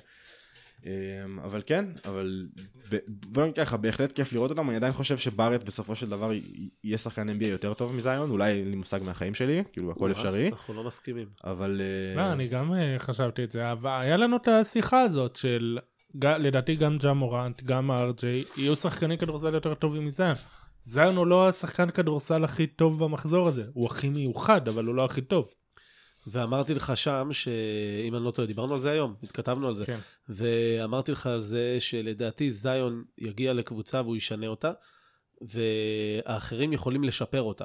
עכשיו, זה ההבדל בין שחקן מה- כדורסל טוב למיוחד. אוקיי, יכול להיות. עכשיו, אתה יכול לקחת את אה, לברון, שהוא הדוגמה הכי טובה לשחקן שמשנה קבוצה, אה, ויש לך את הדורנטים והאחרים שמשפרים קבוצה, שאני לא אגיד לך עכשיו מי יותר טוב, מי פחות טוב, אבל אה, אי אפשר לערער על זה שלברון ב-15 שנה האחרונות, השחקן הכי טוב בעולם. אני לא כן. מדבר על השנה, בואו נשים את השנה הזו בצד, אבל אי אפשר לערער על זה, והוא משנה קבוצה, והוא שחקן מהסוג של יאניס וכאלה. אה, אני חושב, יש לי בעיה עם ארג'יי בארט מתחילת השנה, תמיד אמרתי את זה, אני לא יודע לשים על זה באמת האצבע, אבל נראה שאין אני יודע. כאילו אין לו את זה חשק. באצבע. לו חשק, לא בא לו, כמו שאמרת, זה משהו כזה, זה תמיד היה נראה לי... אנדרו ויגנסי כזה. זה- אני קורא לזה סינדרום בן סימונס, ואני יודע שאתה לא אוהב את סימונס, אז נראה לי שמשם... כן, זה... משם יש לי. בעיה עם שחקנים שלא מתאמצים, שלא מחויבים ל... ל... למשחק. תשמע, אני, אני אמרתי את זה בוא פעם אחרי תסביר פעם. לאנשים מה זה סינדרום בן סימונס.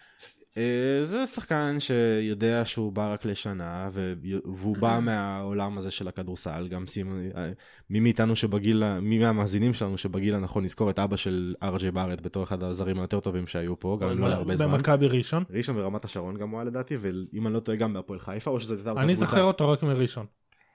הוא היה, בש... אה, מה שאני לא זוכר זה אם רמת השרון חיפה היו לפני או אחרי איחוד בשלב הזה, כי זה קרה מתישהו גם.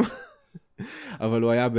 או בקבוצה המאוחדת או בשתי הקבוצות של... והוא היה, הוא היה סקורר כל כך טוב שהוא היה כאילו הסקורר המוביל של קנדה כשסטיב נש היה שם. כאילו לא סטיב נש של השנים של ה-MVP מן הסתם, אבל ממש קצת לפני, כשהוא כבר היה בדאלאס וכבר היה שחקן משמעותי.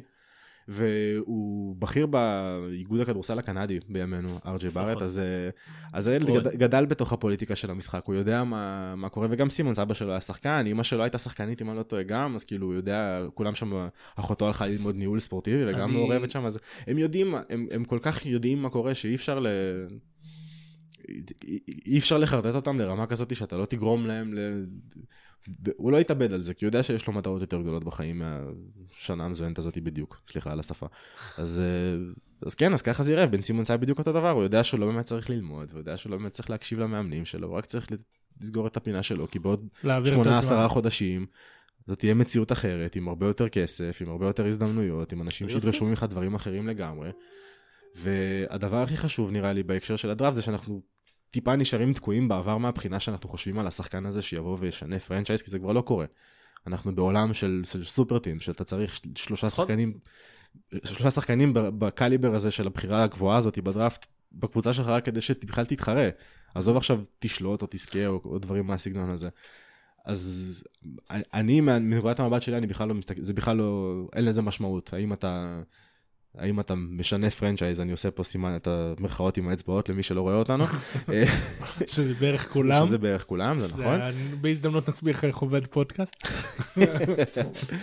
קיצור, אז כן, אז זה לא כזה משנה. האם, אה, אה, יותר חשוב, האם בפילוסופיה שלך של 8-10 שנים קדימה, ואתה מקווה שאתה תשרוד את ה-8-10 שנים קדימה האלה כדי אשכרה ליישם את זה, האם, האם אתה רוצה את, ה, את היהלום הפיזי שיש אחד כמוהו, ולך תדע אם יהיה עוד אחד, ו, ו, ואלוהים אדירים איזה דברים אפשר לעשות איתו, והאם אתה מוכן להתמודד עם האתגרים שיבואו עם זה, או שאתה רוצה את, ה, את, את החמור עבודה שראי, שהראה לך בהרבה הזדמנויות, שהוא אין לו בעיה להיות, ה, להעמיס, לשים את הקבוצה על הגב שלו מבחינת הנטל העבודה, כי אין הרבה שחקנים שבאמת רוצים לזרוק, עם כמה שזה נשמע מטומטם, אין הרבה שחקנים שרוצים לזרוק 25 זריקות במשחק. זה, זה מלא עבודה. זה נשמע לי הזוי, אבל בסדר. זה- לא, אני אני מבין אני זה, מבין זה את מה מלא שאתה עבודה, אומר. יש, יש פוטנציאל שתיראה כמו, כמו פוץ שזורק בלי סוף ורק מחטיא ולא נכון. מוסר וכל הדברים האלה. זה, זה, זה אופי, זה כמו אופי של חלוץ בכדורגל, זה משהו בסגנון הזה. אני, אני מבין את מה שאתה אומר, כן, אין ספק. אבל אני חושב שאני למשל, הייתי מעדיף את המשנה אה, קבוצה הזה כמו אה, זיון, מהבחינה הזו, וכל מה שאתה אומר הוא נכון, אוקיי? אולי יותר קל לבנות סביב אר ג'יי בארט, אולי זה עניין של סיטואציה. אולי אם שיקגו תבחר ראשונה ויש לה את מרקנן, היא לא תיקח את אה, זיון, סתם דוגמה. אבל אה, אני פשוט חושב שהוא... פשוט מה שנקרא transcendent player, ואני לא אומר שהוא לבד מרים קבוצה לרמת קונטנדרית, אבל אליו יגיעו עוד שחקנים. זה שחקן שיכול למשוך שחקנים, שחקן מטרה, אה, זה שחקן שבונים סביבו. זו הכוונה שלי במשנה קבוצה, אני לא אומר שעכשיו אתה מעיף את כל השחקנים וכולי, או, או שהוא הגיע וזהו, אנחנו קונטנדרים, אבל אתה כן בונה סביבו, אתה כן יכול להביא שחקנים נוספים, צעירים, בוגרים, אה, זה לא באמת משנה, אה, ולהפוך את הקבוצה בעצם ל...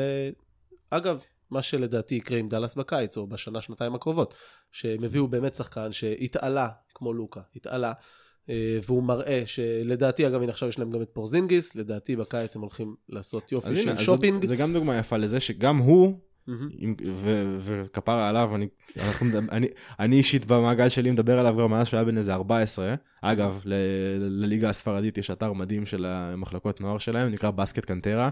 אוקיי. משחקים של ילדים בני 11 גם יכולים לראות שם. שם, שם תפסתי אותו, כאילו, והוא באמת, כאילו, חפרנו עליו מאז, והוא שחקן מדהים, והוא גאון כדורסל, והוא מיוחד ברמות אחרות, כאילו, ו... כן. ו- והכל טוב ונכון, וגם הוא עדיין היה צריך את פורזינגיס, אנחנו זוכרים איך דיברו על פורזינגיס לפני שנתיים? נכון. איזה, איזה טרפת זה היה, וגם שני אלה ביחד, ש- ש- שכאילו ב- בסיטואציה נפרדת, כל אחד מהם אמרו איזה דברים אפשר לעשות, אם רק תביא לו את זה, נכון. אם רק תביא לו את זה, אם רק נכון. תביא לו את זה. גם שניהם ביחד יכולים בסופו של דבר לא להגיע ליותר מדי. נכון. זאת יכולה להיות אותה סיטואציה של אנטוני דייוויס, כי מה לעשות, קבוצה אחת לוקחת אליפות כל שנה. נכון. אני מסכים, אני מסכים עם כל מה שאתה אומר, אבל אין לי ספק שהם עכשיו בסיטואציה הרבה הרבה יותר טובה. כן, נצטרך לחיות ולראות. אני, אני, נכון. אני מחכה לזה כבר, כן? אני ממש ממש רוצה לראות איך זה, איך, איך כל הסיפור. מסתדר שם. זה בטוח. טוב, נחזור לברקט. אה, מי באיסט יכולה לאיים על דיוק? מישיגן סטייט יכולה להיות זאת שתעלה מהדרום? אה, ההימור שלי.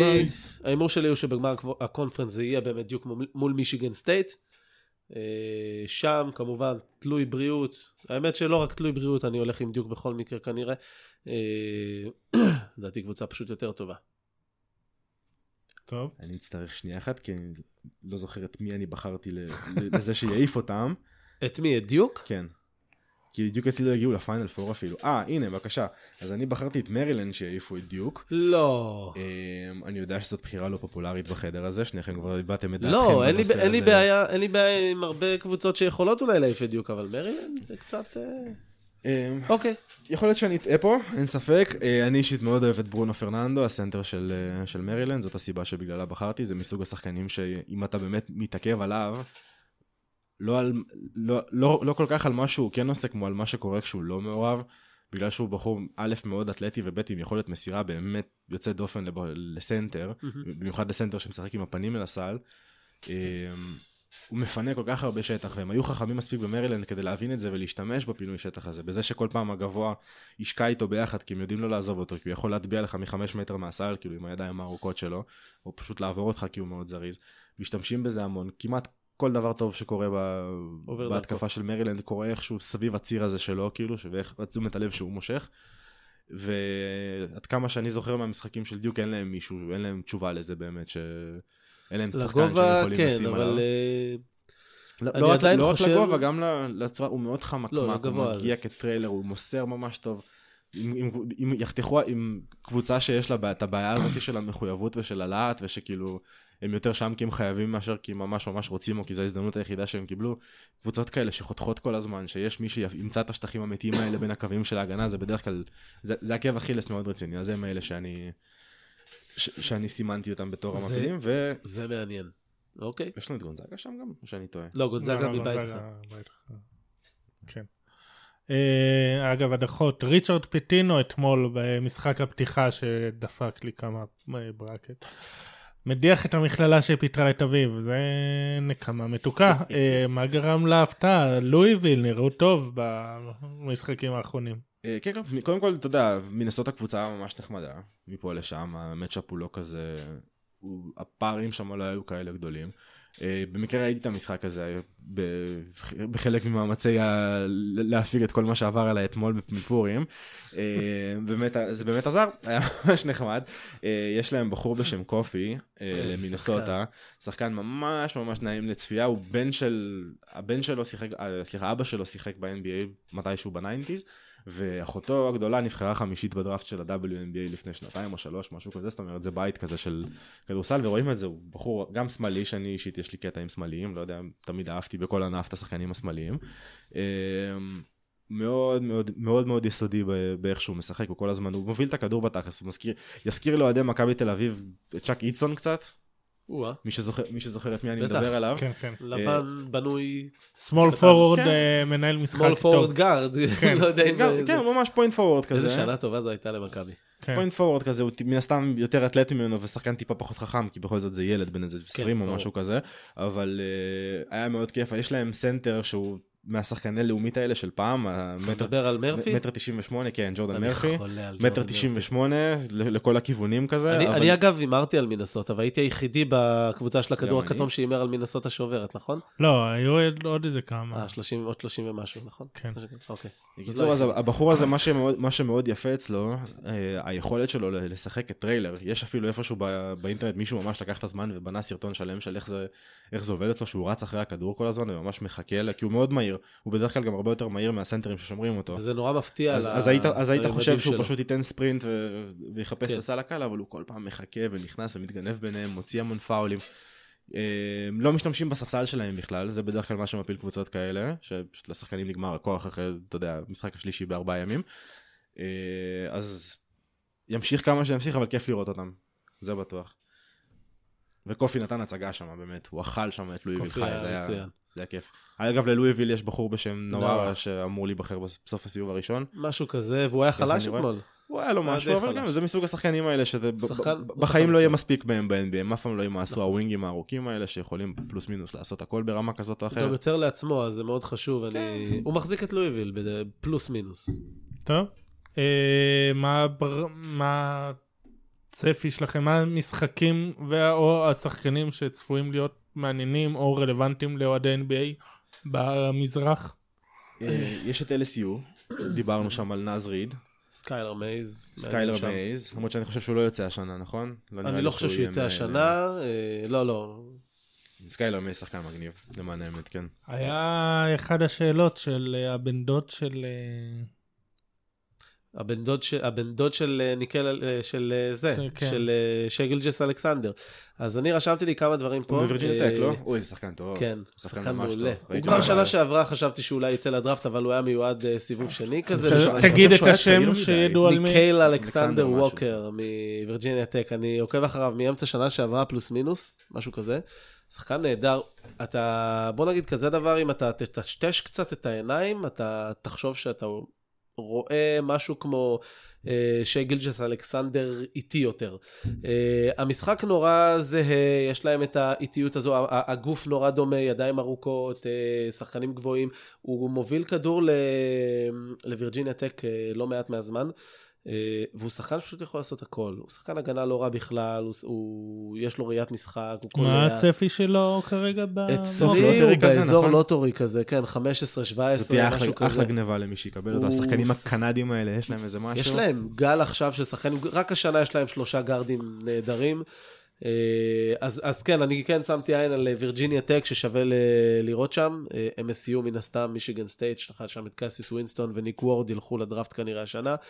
רשמתי את בלמונט שנפלו אתמול, יש להם שחקן נפלא שקוראים לו אה, דילן וינדלר, אז אתמול הוא קלע 35 נקודות זה ו-11 המשחק הירואי, ריבאונדים. זה המשחק האחרון שלו בכלל. כן, והוא היחידי, אני חושב, בקבוצה שקלע ב double figure, זה פשוט מביך. אה, היה שם עוד איזה מישהו עם 11 או משהו כן, כזה, משהו אבל זה כזה, לא היה אבל משהו. זה היה- זה אגב מהשחקנים שמגיעים בדרך כלל לאירופה ונותנים הצגות, שכיף לראות אותם. הוא- איזה 2-3, הוא שמאלי גם. זה מסוג השחקנים, היו בשנים האחרונות כמה שחקנים שאני אומר לעצמי, יאללה, מכבי, תתפסו שחקן, תיקחו שחקן, אז זה יכול להיות אחלה גניבה ל...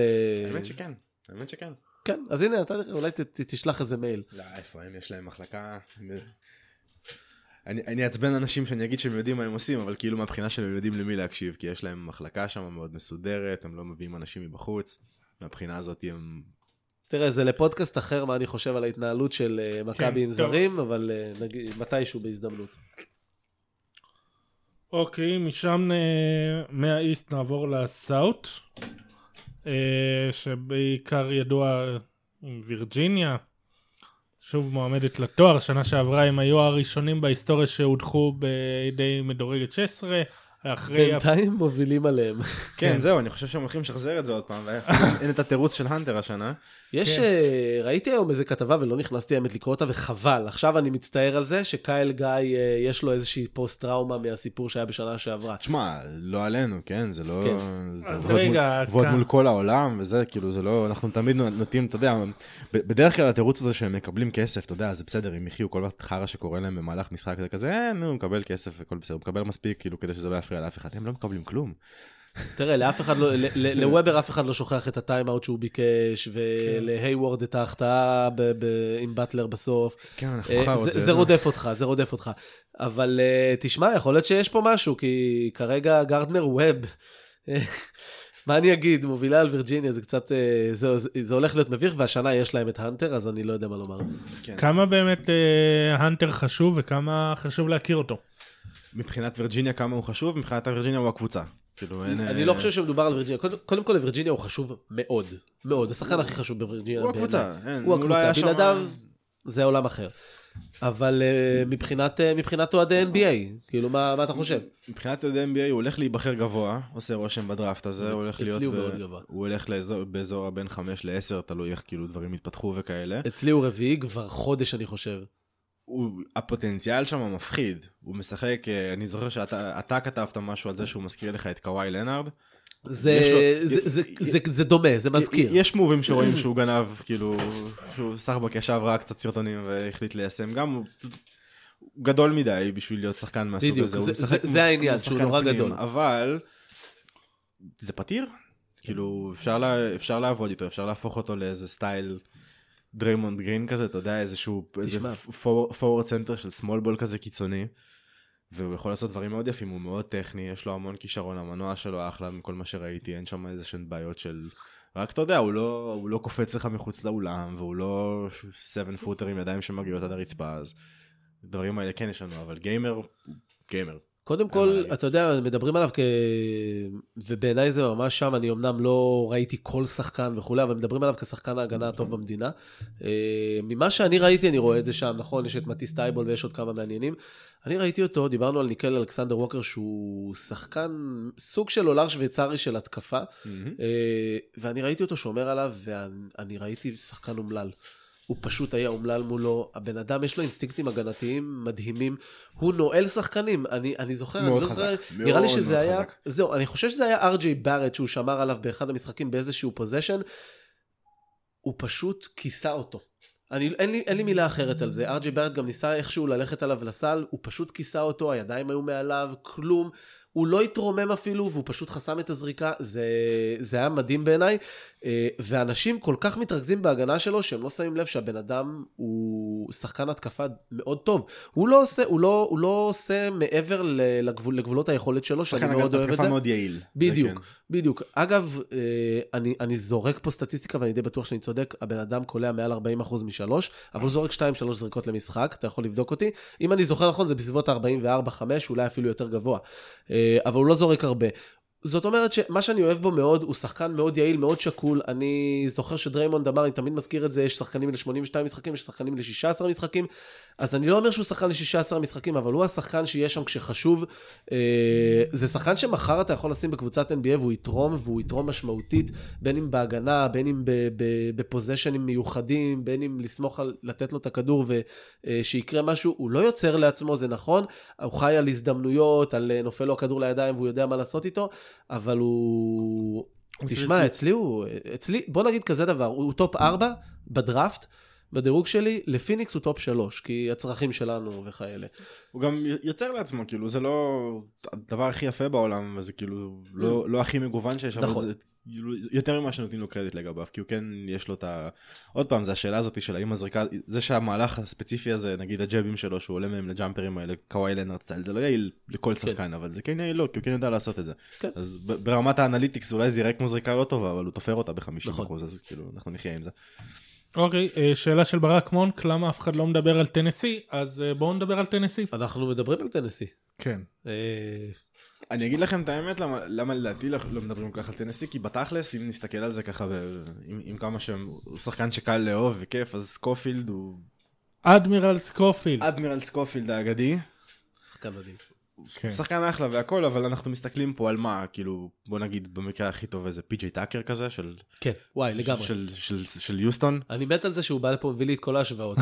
אין, אני, אני שובר את הראש עם השוואות, ואני כל מה שאני צריך זה לשלוח לסמי שזה- סמס. עכשיו, עכשיו זה אחלה פי.ג'יי טאקר אח שלנו אחד מ- מישראל אגב, אחד פי.ג'יי. טאקר לא קלע שלשות עד ל- לפני חצי שנה. הוא לא, היה, הוא לא היה שחקן בסגנון הזה בשום שלב של החיים שלו, זה פשוט משהו שהוא למד, זה מה שראוי להערכה פה לדעתי, שהוא- זה פשוט משהו שהוא למד ו... ומיקסם במסגרת הכלים שאלוהים נתן לו הכי רחוק שהוא יכל. שזה אחלה, עוד פעם, אף אחד לא יתלונן על זה שיהיה לך שחקן כזה בקבוצה, אבל פי.ג'י טאקר לא נבחר כאילו... תראה, אצלי סקופילד. אצלי סקופילד מדורג. בין, בסביבות ה-20-25, משהו כזה, שלדעתי זה הוגן. עם קבוצה כמו סן אנטוניו, משהו בסגנון הזה, מערכת כזו שבונה שחקנים, אה, יכולה לקחת אחד כזה, והוא יהיה הדריימונד גרין הבא שלה, כי נכון, הוא סוג של, אפשר, אה, בקולג' משחקים איתו power וגארד והכל וכולי, אה, אבל בינינו, הוא שחקן שקולע שלשות, הוא ריבאונדר מצוין, הוא אתלטי בטירוף. אה, והוא שחקן הגנה טוב, אני לא יודע אם אמרתי את זה כבר. אה, אז אני כן חושב שיכולה להיות לו קריירה, קריירה ארוכה. אני לא אומר שהוא יהיה אולסטאר או כוכב, כי באמת אין הרבה אולסטארים וכוכבים שיצאו מהדראפט הזה, אה, אבל הוא בעיניי שחקן מאוד חיובי. ומסוג השחקנים שהם גם, אתה יודע, אני, אין לי הוכחות לזה, אבל נראה לי שהוא מסוג המנהיגים השקטים האלה, או האלה שבחדר הלבשה הם חשובים, וסך הכל אני, אני נורא נהנה לראות אותו.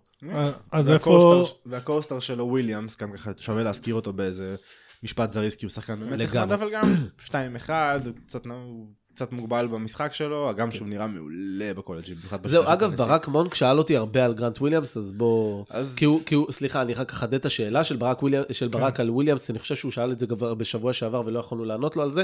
אה, הוא שאל למה מדברים על זיון ולא מדברים על גרנט וויליאמס. אז כן. זו, זו שאלה קצת אה, קשה, אני הייתי אומר, קצת בוטה, כי באמת אין מקום להשוואה, אבל אם אתה רוצה... אה, תשמע, אין שם זיון פיזית הרבה יותר, הרבה יותר מוכשר ממנו, הראיית משחק שלו היא ברמה אחרת לגמרי, הדרך, היצירתיות שלו באיך שהוא משיג דברים, גרנט וויליאמס יותר משחק כמו, אמנם יש לו מספרים של איזה combo forward מגניב כזה שמנהל משחק, יש לו אסיסטים, יש לו ריבאונדים, יש לו חטיפות, אבל בתכלס הוא, הוא רוב הזמן נראה כאילו, כאילו זה סנדר. נכון. אז אה, ואם אתה חושב על זה צעד קדימה, כאילו, בממדים שלו, עם כמה, עם כמה שהוא אתלט וטיפה ארוך, כאילו, אתה אומר, יש לזה מקום מוגבל ב-NBA. בדיוק, זה לא בהכרח יתרגם.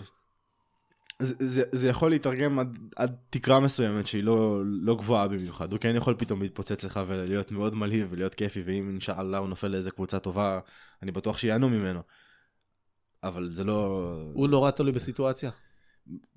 תלוי לחלוטין כמעט בסיטואציה. הרבה מהם תלויים לחלוטין בסיטואציה, אבל אצלו זה, אחד- זה אחד שכאילו, אם, אם אנחנו משווים את זה לשחקן כמו זיון וויליאמס, שחקן כמו, לא יודע, האצ'ימורה, כמו, כמו, כמו כל החב... קלארק, כן. החבורה של השחקנים האלה ברמה הזאת, זה לא, זה לא זה שם. לא שם. הוא tier אחר, אני מסכים. כן. אז לגמרי. איפה טנסי יעצרו? אוף, אין לי את הברקט שלי מולי, אבל אני חושב שהורדתי אותם באליט 8, משהו כזה. אה, או אני שהגעתי אותם לפיינל פור לדעתי. אני חושב שהם בפיינל פור אצלי. כן, אני- אני אותם לא אפילו, יש מצב שלקחתי אותם לגמר. טוב. אה, שחקנים או שמת אותם. שחקנים או משחקים מעניינים או רלוונטיים לאוהדי NBA באגף הדרום? אמ, ככה, אה, יש לנו עד כמה שאני רואה פה את וירג'יניה, שדיברנו מהמם. עכשיו על האנטר, שווה מאוד להסתכל עליו. אה, מה עוד יש לנו שם? ב- אגב? בווירג'יניה יש גם את אה, קייל גיא וקיליאן טילי, שהם אה, שחקנים מעניינים. טילי לא לא בהכרח... אה, סליחה, טילי בגונזאגה, אתה צודק, נכון. התבלבלתי, אני אה, מתבלבל איתו. אה, יש בוויסקונסין את אה, איתן האפ שאני אוהב, אבל הוא לבנבן 208, יש- הוא יגיע ל-NBA או שיגיע לחבורה שלך באשדוד? אז זהו, יש לנו, יש לנו דאטה די רצינית בשלב הזה על, הסוג שחקן הזה, על הגבוה הלבן מוויסקונסין, עם השלשות והדברים האלה, יש שם ג'ון לואר לדעתי משם, ג'ו אלכסנדר אם אני לא טועה, הוא משם, אה, פרנק- קמינסקי, עכשיו אתה כל מלחיץ אותי. כל מיני שחקנים, זה- גם קמינסקי הנרי אלנסון אם אני לא טועה, גם היה... אוי ואבוי. כאילו, מוויסקונסין, אה, נו פרנק לא, קמינסקי, נו. כן, אבל קמינסקי היה ממש סנט, center, סנטרי כזה, אתה יודע, כאילו ראינו כבר את השחקן הזה. על הנייר, כאילו, הם, אתה יודע, בוחרים בהם די גבוה בדראפט, הם כן מקבלים את ההזדמנות, כי יש לזה, יש לזה שוק, האם זה יתפוס?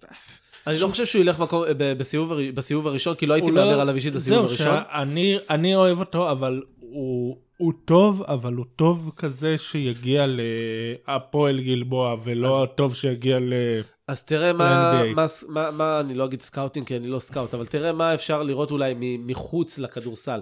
הבן אדם יש לו מזכיר לי באופי שלו את דריימון גרין עם הבעיטות לביצים וכל העצבים שהוא רב ו- ו- ורב עם כולם, כי, כי אתה רואה שהוא מחפש את החרחורי מריבות האלה, אתה רואה את כל ה... כל פעם שיש איזה, איזושהי brawl אפילו, אני לא אקרא לזה קטטה, איזשהו משהו קטן, אתה רואה שהוא שם, משהו נפיץ וכולי, אז הוא די, אה, יש לו את הקטע הזה, שזה זה מעניין, זה יכול לקחת את זה קצת קדימה מבחינת המוטור, אה, והוא... אני חושב שרוב ההתקפה של וויסקונסין, הרבה מההתקפה, מההתקפות שלה מתחילות איתו. כאילו, מורידים לו כדור לפוסט, הוא יוצר איזה משהו, מוסר למישהו אחר, מנצל יתרונות שלו. אה, אני כן חושב שיש לו מקום ב-NBA, אבל לא כסטארטר, אין ספק, אבל small ball 5, כל מיני דברים כאלה. אה, כן, אני לא מאמין שהוא יגיע, כמו שאמרתי, אני לדעתי הוא יגיע ליותר סיכוי שנראה אותו במגרשים פה מאשר ב-NBA. אני מסכים איתך, אני חושב ששווה לתת לו איזה הימור על איזה אנדרפטד או משהו כזה. טוב, עוד אה, שחקנים אה, שאתם רוצים לציין בדרום? אה, אני חושב שלווילנובה יש איזה שני שחקנים מעניינים, פסקל, אריק פסקל. הוא אריק פסקל, כן. שהוא אני קצת נהדר. מתבייש שהבחור הזה ברח לי מהראש. סופר חזק. כן. באמת, אבל אם אם אתה רואה את הבחור, אתה יודע, זה... אה, תגיד, ת- בואו נציין אה, עמדה וגובה. אה, הוא 2, 1, 2, 2, משהו משהו כזה. כזה, הוא combo forward כזה. מנסים להפוך אותו לשלוש, אני אני מבין. זה אני, כאילו- אני, למרות שבקולג'ים, אתה יודע, הוא, כל, הוא אתה יודע, השחקן ה- ה- ה forward הסטריאוטיפי הזה, אתה יודע, עם השרירים והרסטות, שהוא טיפה undersized, אבל הכתפיים שלו ברוחב של טנק, ואתה פשוט מעיף אותך ממקום למקום. וגם, אתה יודע, יש לו אחלה touch וזהו, הוא שיחק שם בקבוצה שיודעת דבר או שניים על לזכות בדברים. שחקן ששווה לראות, הרכז שלהם גם, ברח לי השם שלו. של? נחמד, כן. אה, אני יודע שקווינרלי רק על הספסל. אבל אני כן, אני כן רוצה, אם לקחת את זה לרכזים, אני כן רוצה לקחת את זה, אה, המשחק אה, הראשון שלהם היה נגד סיינט מרי והם ניצחו, סיינט מריז. ויש לסיינט מריז רכז מגניב, שנקרא ג'ורדן פורד, אז אני לא יודע אם הוא יגיע ל-NBA, אבל הוא שחקן שאפשר לזכור את השם שלו, כי אני חושב שתהיה לו קריירה טובה. טוב. ועוברים למיד ווסט עם אתר הילס. האם UNC, צפון קרוליינה, יש להם מסלול קל? או מישהו יכול אה, אני חושב להפריע שהוא להם? הכי קל, אני חושב שהוא הכי קל, ואצלי הם בפיינל פור, הם היו הכי קלים שלי להגיע לפיינל פור. אני כל כך לא, אני כל כך אה, חרמן על אחד השחקנים שלהם, סליחה שאני מדבר ככה, אבל השחקן הזה באמת מאוד מרגש אותי, קם וויליאמס. לא. קצת- קם קם וויליאמס? אתה לא מדבר על קמרון ג'ונסון? הפורוורד שלהם, שהוא אה. אז 6-9 אנחנו כזה, לא- יודע, הוא טרנספר, הגיע אליהם מבית ספר אחר אם אני זוכר אנחנו נכון. מדברים על קם- ג'ונסון. שש כן, תשע. נו, השוטינגארד. הוא משחק הוא כל- 6-9 שמשחק הוא משחק שוטינגארד. כל כך יפה, עכשיו כן. היס- היסטורית, זה טיפה גבוה מדי לעמדה הוא הזאת שחקן שנה ב-NBA. חמישית, רק כן, כן, שנוודא הוא שאנחנו שחקן לא שנה. חמישית, הוא סיים, ב- אם אני לא טועה, בג'ורג'טאון. הוא כן, היה אבל הם- לא הם שמים אותו כן. בשתיים. הם שמים אותו- שתי- הם- 6-9, 2-0-6, שמשחק בשתיים. הם שמים אותו בשתיים, מה שאמרתי זה היסטורית. אם אה, דיברנו על השוואות, אני, כשאני ראיתי אותו, אני ראיתי את שרון ששון. אני מצטער על ההשוואה. אוי ואבוי. היה פעם שחקן בשם זה, נראה לי מי שזוכר אותו זה רק אנשים שהם משחקים בטוקיי בשנים האלה, כי הוא באמת היה ממש טוב שם, בחור בשם דרמר ג'ונסון, שגם זה היה בדיוק אותו סידור, היה 2-6 או משהו כזה, או 2-7, הוא היה משחק כל כך יפה, באמת, משחק טכני, לא היית חושב שמשהו יהיה לא בסדר איתו, הוא גם ארוך, הוא גם אתלטי, גם משחק, והוא לא תפס ב-NBA, אני חושב שזה טיפה גבוה מדי בשביל... בשביל להיות שתיים ב-NBA, במיוחד בעידן של השמאל בול, אבל הוא. משחק יפה, יש לו טכניקה היסטרית, כאילו רואים שהוא לקח את הזמן ממש ללטש את זה, עבודת רגליים שלו מדהימה, הוא מייצר לעצמו, הוא- ביחד עם קובי ווייט, הרכז שם, שהוא הוא הפרוספקט הוא יגיע. באמת ל-NBA או יגיע אליך? אה, לא, אני חושב שהוא הגיע ל-NBA, אני ג'ונסון ראיתי אותו חייב אפילו, להיות ב-NBA. אני ראיתי אותו אפילו איפשהו מדורג כבר עשה סיבוב ראשון. אנחנו אכלנו את הלקרדה הזאת עם פינסון בשנה שעברה, אם אתה זוכר.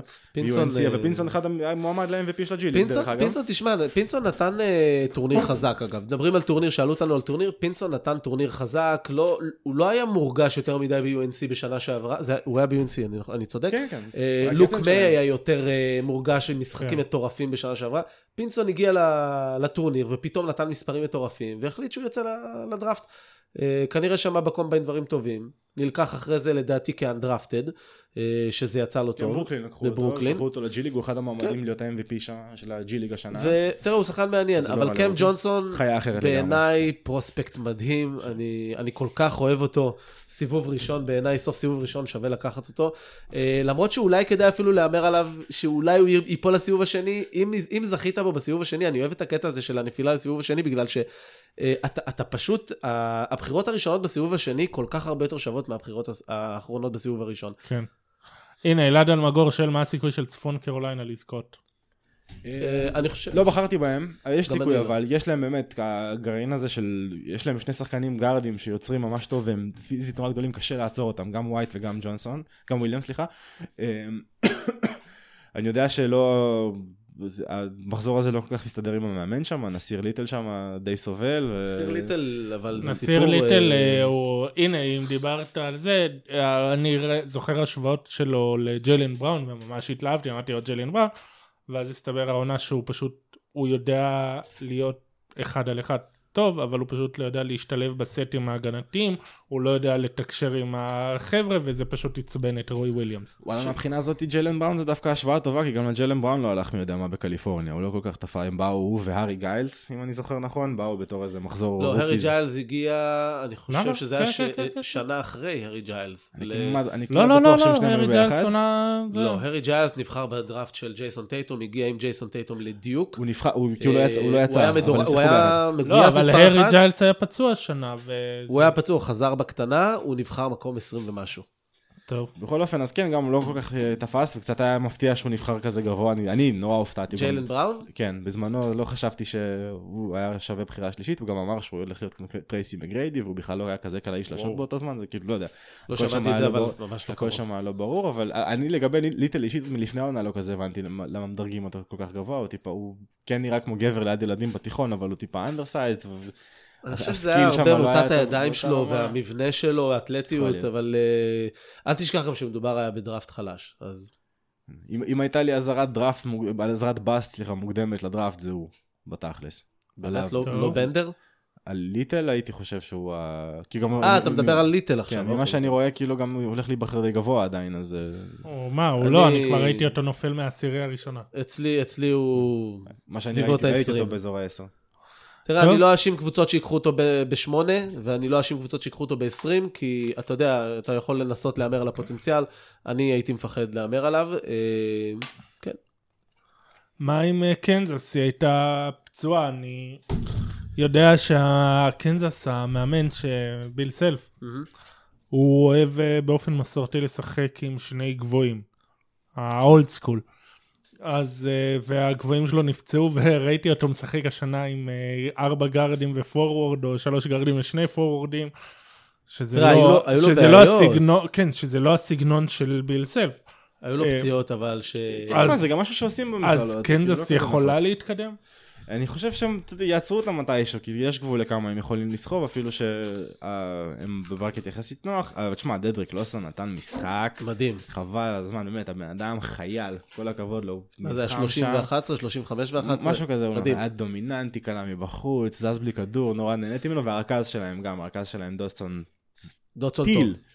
אני לא יודע עוד פעם כמה אבל הם, אני חושב כמה NBA יש שם, גם. אבל... אה, אני לא חושב שיש שם יותר מדי NBA, אבל אה, אני גם לא חושב שיש שם פרוספקטים מטורפים ל-NBA בקבוצה הזו. גם דידריק קלאוסון, אה, ראיתי כל מיני דירוגים בשבילו, אני, אני לא יודע כמה הוא יכול להיות באמת אה, אה, רציני ב-NBA. הוא יכול להיות שחקן רוטציה נחמד, אני לא יודע כמה, אולי עדיף לו באמת מבחינה אישית ללכת לליגות אחרות, כדי באמת גם להרוויח יותר כסף וגם לעשות קריירה ארוכה יותר, אבל עוד פעם, זה החלטות שלהם. אה, אני יודע שיש להם בעיה עם ויק, אה, לא באמת אומרים לנו מה קורה שם, בעיה משפחתית, לא סיפור. סלף אמר שהוא לא יחזור, הוא חזר לאיזה משחק, בינתיים לא ראיתי שהוא שיחק בטורניר, אה, וזו מכה כי הוא הוביל אותם בנקודות בתחילת העונה, עד שקרה מה שקרה. יש לנו שם בצד הזה גם את קנטקי, שזה לא קנטקי של אה, לפני 4-5 שנים, אבל עדיין יש כמה שחקנים נחמדים שם. יש את קלדון ג'ונסון, שגם נתן משחק יפהפה בלילה, המניה שלו... 25-10? מ- 25-6. מ- מניה שלו בעלייה די, די מתמדת פחות או יותר מאז שהתחילה העונה, כי אף אחד לא חשב שהוא יהיה באמת בחירת סיבוב ראשון כל כך גבוהה. וואלה. אני ראיתי אותו אתה יודע, borderline. יש להם עוד שחקן שאני רואה ברשימות לסוף סיבוב ראשון, הרכז. שלהם, לא, לא טיילר הירו, הרכז שלהם. אשטון הייגנס? אבל אני לא אהבתי אותו. אני לא לא יודע, משהו. שם לא התחברתי. כן אהבתי טיילר הירו. זה שחקן שאני מתאר לעצמי שנורא קל לשנוא, הרבה... לא, שמע- אני- שמעתי הרבה ח- שמעתי הרבה חרא עליו, כאילו, מכל מיני אנשים, להבין. אבל... אה, אני אוהב את המידות שלו. אני אוהב את המידות שלו, הבן אדם גם קולע משלוש מצוין, אה, הגנה טובה. יש לו גם את האופי הזה שאני אוהב, את הגריט הזה. אה, הוא מעניין. קלדון ג'ונסון, אני לא סגור על זה. זה כמו עם ארג'י בארט, משהו באופי שם לא, לא יושב לי. נראה לי ש... הוא רגוע מדי, הוא פסיבי מדי, אה, הייתי מצפה שעם האתלטיות הזו, שהוא יהיה קצת יותר קילר, שהוא יסחב את הקבוצה. פי.ג'י וושינגטון הוא שחקן דווקא שם, ש... שחקן שנה שנייה, בקנטקי זה לא שגרתי, ומדברים עליו כבחירת סיבוב ראשון, סוף סיבוב ראשון. הוא פצוע, אבל נכון, וושינגטון לא יהיה. לא- קנטקי משחקים עם וופורד בסיבוב השני, זה היה משחק כיפי, חבל על הזמן. כן.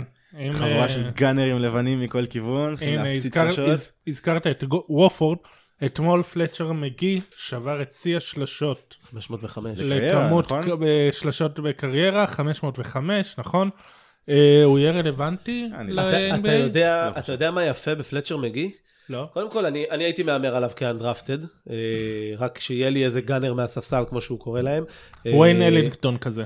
בדיוק, אני לא באמת יצא לי לבחון אותו מישהו שכל מה שהוא יודע לעשות זה בהגנה. לעלות ולזרוק כמה שלושות. תשמע, יש לך את טרוי דניאלס, אחד כזה שמרוויח שלוש, אה, שלושה מיליון דולר בפיניקס, עולה ב-15 דקות, נותן לך 12 נקודות, ונותן לך דניאלס, פתאום איזה אבל boost בחור כזה. טיפה יותר גדול ממנו, לא? עד כמה אני, שאני זוכר, אני, אני איזה- לא חושב שדניאלס הוא שחקן גדול מדי, אבל עוד פעם, זה... מה הגובה של פלצ'ר מגי לטובת אלה שלא... שש אחת, אה, משהו כזה. לא, אני ראיתי שוב איזה מטר 92 או משהו כזה. אה, אז בכלל, אז אני טעיתי. אני, שוב, אני לא הספקתי ל- ל- יכול להיות לעקוב שאני- יכול אחריו להיות יותר שאני מדי, טועה, אבל שאני אני. כן יכול מטר להגיד לך 92 שמה... ו-6-1 זה בערך אותו דבר. לא, אתה מדבר על 6-3. אה, נכון, נכון. 6-3. כן, אבל אני לא. כן יכול להגיד לכם שממה שראיתי מהילד הזה, הזריקות שלו משוגעות. הזריקות שלו משוגעות. הוא, הוא, הוא, הוא עובר את החסימה, הוא לא מספיק להסתכל על, ה, על הסל, הוא פשוט זורק, זה, והכל נכנס. כיף רצח לראות את זה, יש לו שחרור כזה, אין דברים כאלה. יש לו את השחרור השרסי הזה, שהוא משחרר אותו בשנייה, וזה פשוט עף לו מהיד, והוא- והכל נכנס. וסחבק לא רואה בעיניים, כאילו הוא מפסיד, יש לו אתמול- יש לו את אחד האורות היותר ירוקים שיצא לי לראות ב- תשמע, בתקופה אתמול, האחרונה. אני לא חושב שיש לו אור, אדום. אני לא חושב שיש דבר כזה לבחור הזה, ויש לו. גם, הגארד שלידו, שחקן בסגנון די דומה, אבל טיפה יותר גדול, טיפה יותר אה. second guard, ברח לי השם שלו גם, אתמול- גאנר לבן כזה. אתמול אגב הוא קלע 7 מ-12, מ-3, זה מטורף. כן, הנה, פלצ'ר מגי, אה, מטר 93. ש- שזה אבל 6-4 אפילו. 6-4. אבל הוא לא מהיר במיוחד, והוא לא כל כך... תשמע, אבל אתה לא זה צריך את זה. לא בואנה, אני. עכשיו רואה את התמונה שלו, הוא לגמרי מהשחקנים האלה שאתה אומר, בואנה, הוא פקיד אה, שומה. כן, כן, הוא בחור לבן כזה. אדונים משחקים פה כדורסל, בבקשה בוא תצא אני, מה... אני חושב שאין אין, אין בן אדם יותר לבן ממנו, בוא נגיד ככה. וואי, אה, כן, אני כרגע, אני, יכול- אני יכול לא, אבל לתת- תשמע, אני יכול מפו- לתת לך קופצים. עליו ועושים, אם אוקיי, אתה ממש רוצה, הרכז של ביילור, מקאי משהו, מקאי מייסון. אוקיי, אני לא ראיתי הרבה זה בחור. שהוא ניצח, הוא שיחק באיזה קולג' ואני לא זוכר אם זה היה הרווארד או משהו כזה, היה קולג' לפני איזה שנתיים שיצא ריצה ממש יפה. אוקיי, נדמה לי שזה היה הרווארד שהם ניצחו שם איזה כמה, הם הגיעו לאיזה, ל Sweet 16 או משהו כזה, או ל Elite 8, והם ניצ... הם אשכרה ניצחו את ביילור באחד המשחקים האלה, וביילור לקחו אותו כאילו כ grad transfer אחרי שהוא סיים שם. זה אחד שהוא לבן proper כזה, אתה יודע, אתה בא לך לשים עליו איזה סוודר של גולף כזה, לא, יש... לשלוח אה, אותו ל country club, והוא גם אותו סוג של gunner כזה, וזה אגב שחקן שכן אה, מדברים עליו שייבחר בסיבוב השני, וכן דווקא נראה לי, כי הוא טיפה יותר אתלט, הוא טיפה יותר... אז אתה לא- יודע מה, לא ירמסו זה- אותו. זו הסיבה שאני אוהב את סמי. סמי בא, נותן לי איזה טיפים פה ושם על שחקנים שאפילו אני לא ראיתי, ואני רואה לא מעט. יש איזה שחקנים באמת שאתם רוצים לציין למאזינים שלנו במידווסט? אה, במידווסט, בוא נראה מה רשמתי לי. אה, אה, אני אשכרה מידווסט, מחפש. עברנו לכמה, אז אה, את הסנטר של, אה, את לוסון, דדריק לוסון, הסנטר- של, קנט- של קנזס, סליחה, שעוד פעם, לא יודע אם יצא משם שחקן NBA, אבל בן זונה משחק כמו פנתר בטורניר הזה, באמת. אני חושב שאתה צריך לרשום ב- ב- בתקציר של הזה, PG-15 כזה. כן. אה, סורי אליזבת, אם אני- הורים- ממישהו זה- אחר. זה- זה- זה קורה לי גם באימונים, כי לפ- לפעמים ההורים, המאמן המחנך. ההורים יושבים לראות את האימונים לפעמים, אתה יודע, כזה שאוסף כמה ילדים כל פעם ואין לו משהו יותר טוב לעשות, אז אני כל פעם מבקש מהם סליחה לפני שאני מדבר. אתה יודע, זה אולם ריק, אז שומעים הכל ואני לא... לפ- לפעמים זה חשוב, אתה יודע, התיאור הזה, לא- התיאור עובר יותר טוב כשאתה אומר את מה שאתה באמת רוצה להגיד. אז אני, אני חושב, קודם כל, אנחנו דיברנו על הקונפרנס הזה ואיזה שחקנים או, או, או משחקים או קבוצות מעניין לראות. אז יש לך את, את המשחק הלילה, יוטה סטייט מול וושינגטון, זה יהיה מלחמה, הגנה, אה, סליחה, יוטה סטייט קבוצת התקפה טובה, עם סאם מריל שהוא בתקופה האחרונה בטירוף של אה, score. אה, מול וושינגטון, שקבוצה עם, עם שחקנים ותיקים, יש להם את מטיס טייבול, שאנשים טוענים שהוא הגארד המגן הכי טוב בליגה, אה, ודיברתם על אה, אור ירוק לפלצ'ר מגי, לבחור הזה יש אור ירוק בהגנה, הוא, הם משחקים איזושהי אזורית והוא עושה מה שבא לו. יש לכם את אובורן, והנה אני אגיד את זה כדי שבתגובות קצת יצחקו עליי, צ'ומה אוקיקי, שחקן כיפי, כן. אני מת עליו, חיה. עושה הגנה, חוטף הרבה, מוטת ידיים גבוהה. תשמע, היה לו גם איזה dunk לאחרונה, ראית את זה? אתלט של. הביאה, הוא קצת נכון, מוגבל. אני אצטרך עכשיו להדביק את זה כי אמרתי את זה. אתלט רציני מאוד. אה, כן, והוא הוא כיפי לצפייה. אני ראיתי את המשחק שלהם מול טנסי, אני רוצה לומר, זה היה בשבוע שעבר, לפני ככה שבוע וחצי אחורה. הנעת כדור מושלמת, 15 שלשות הם תפרו על טנסי. זה היה מדהים, שזה גרם לי קצת לתת להם תנופה ב bracket שלי, אה, כי אם הם ימשיכו ככה, אז בכלל. אה, דיברנו על קנטקי, אני אוהב את איווה סטייט. איווה סטייט, דיברנו קצת בקבוצה שלנו. כן.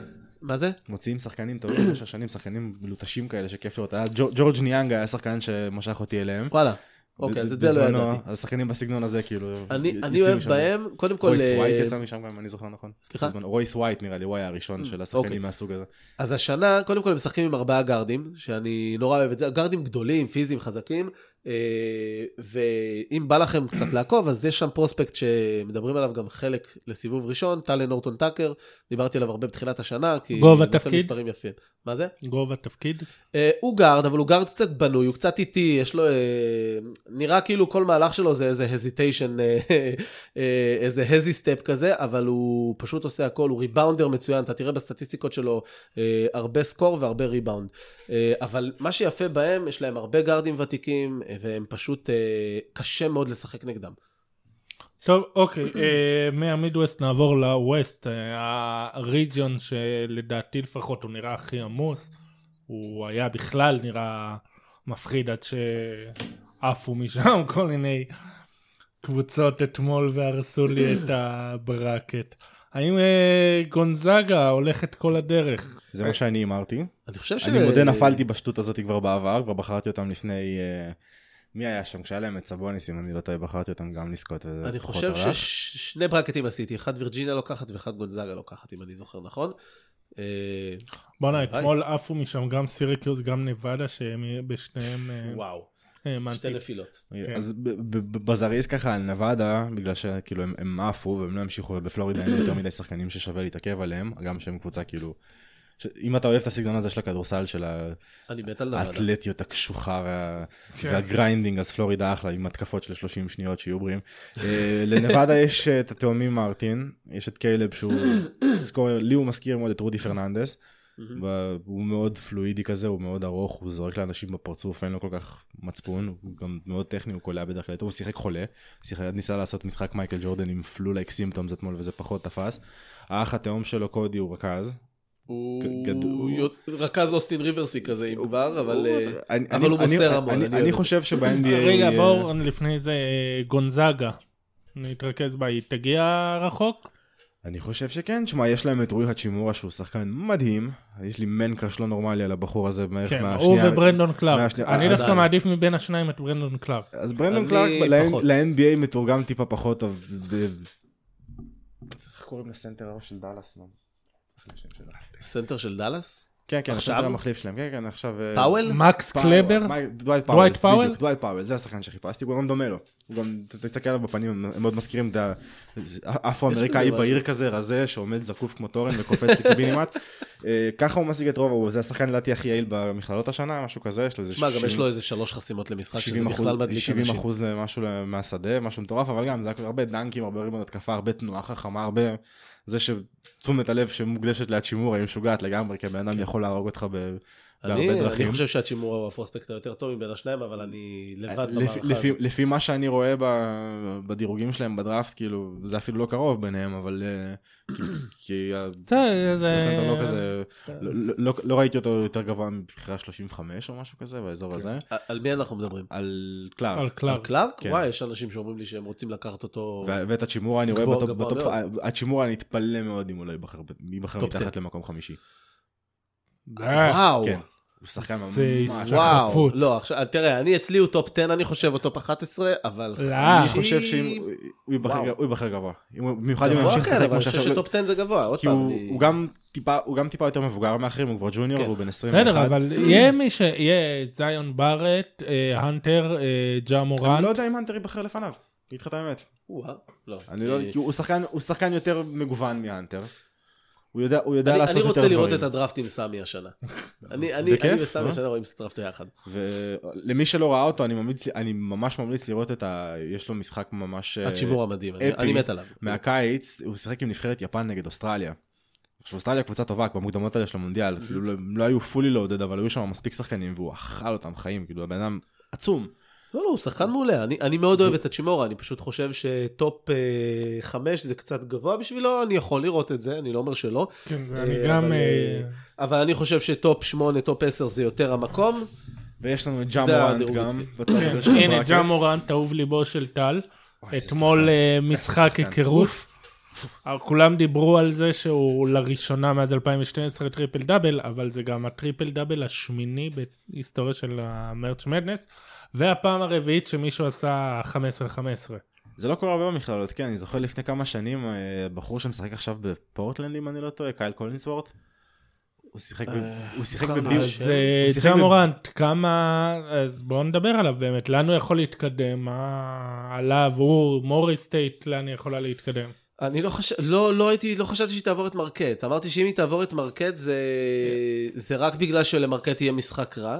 אני חושב שמרקט, ברגע שמרקוס האוורד, אה, למי שלא יודע, 6-1 גארד, הכי מסוכן בליגה אולי, אה, שחקן שבשנתיים האחרונות היו לו שני משחקים של 50 פלוס, אה, וברגע שהוא משחק טוב, ואחד האוזרים, לא משנה איזה מהאחים, משחק טוב, אז מרקט מאוד מאוד מסוכנת. וזה בדיוק מה שקרה, מרקט פשוט שיחקה גרוע.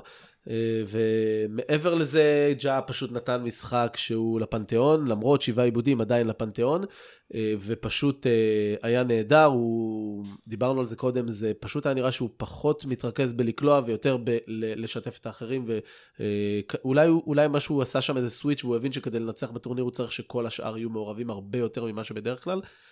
ג'ה שחקן מדהים, פשוט אני, אין לי מילים, מבחינתי הוא מדורג שני. כן, אה, הוא- הרבה אני כבר ראיתי. שאחרי המשחק של אתמול זה שני, אם דיברנו על השפעה תשמע, של הטורניר. ג'ה- ג'ה שני אצלי כבר חודשים, אבל זה הרבה בגלל ארג'י בארט, שארג'י בארט חזר לשם תקופה, אבל ג'ה, ג'ה שני בעיניי.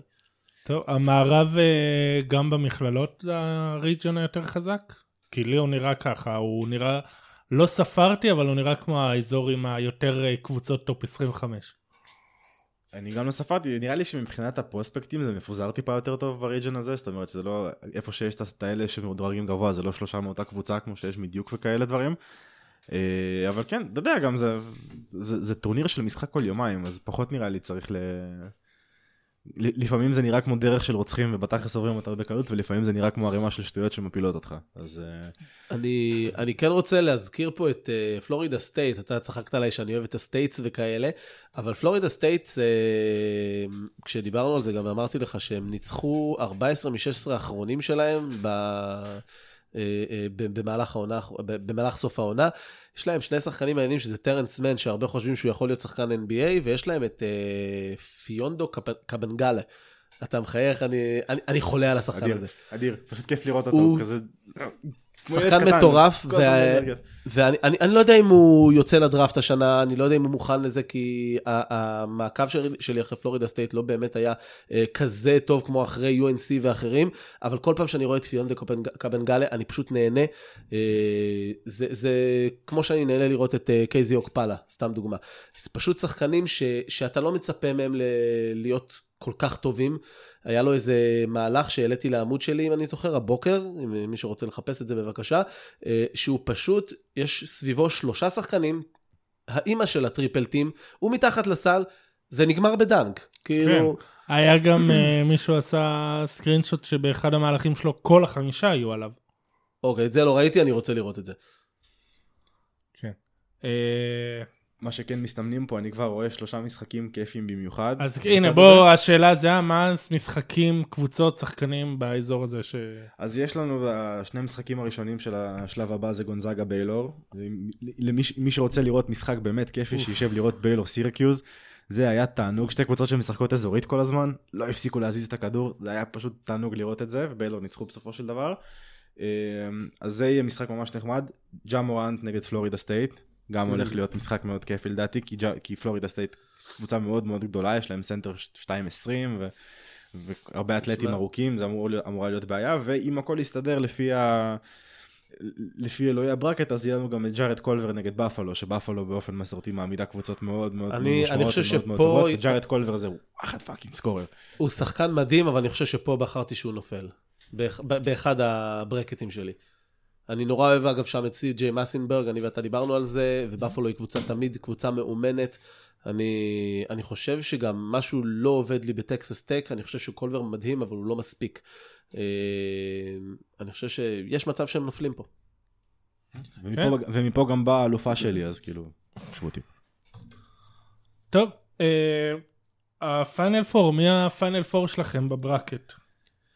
אצלי זה, היו לי שני ברקטים, אני יותר אוהב את ה bracket ששם את אה, UNC, גונזאגה, וירג'יניה ודיוק.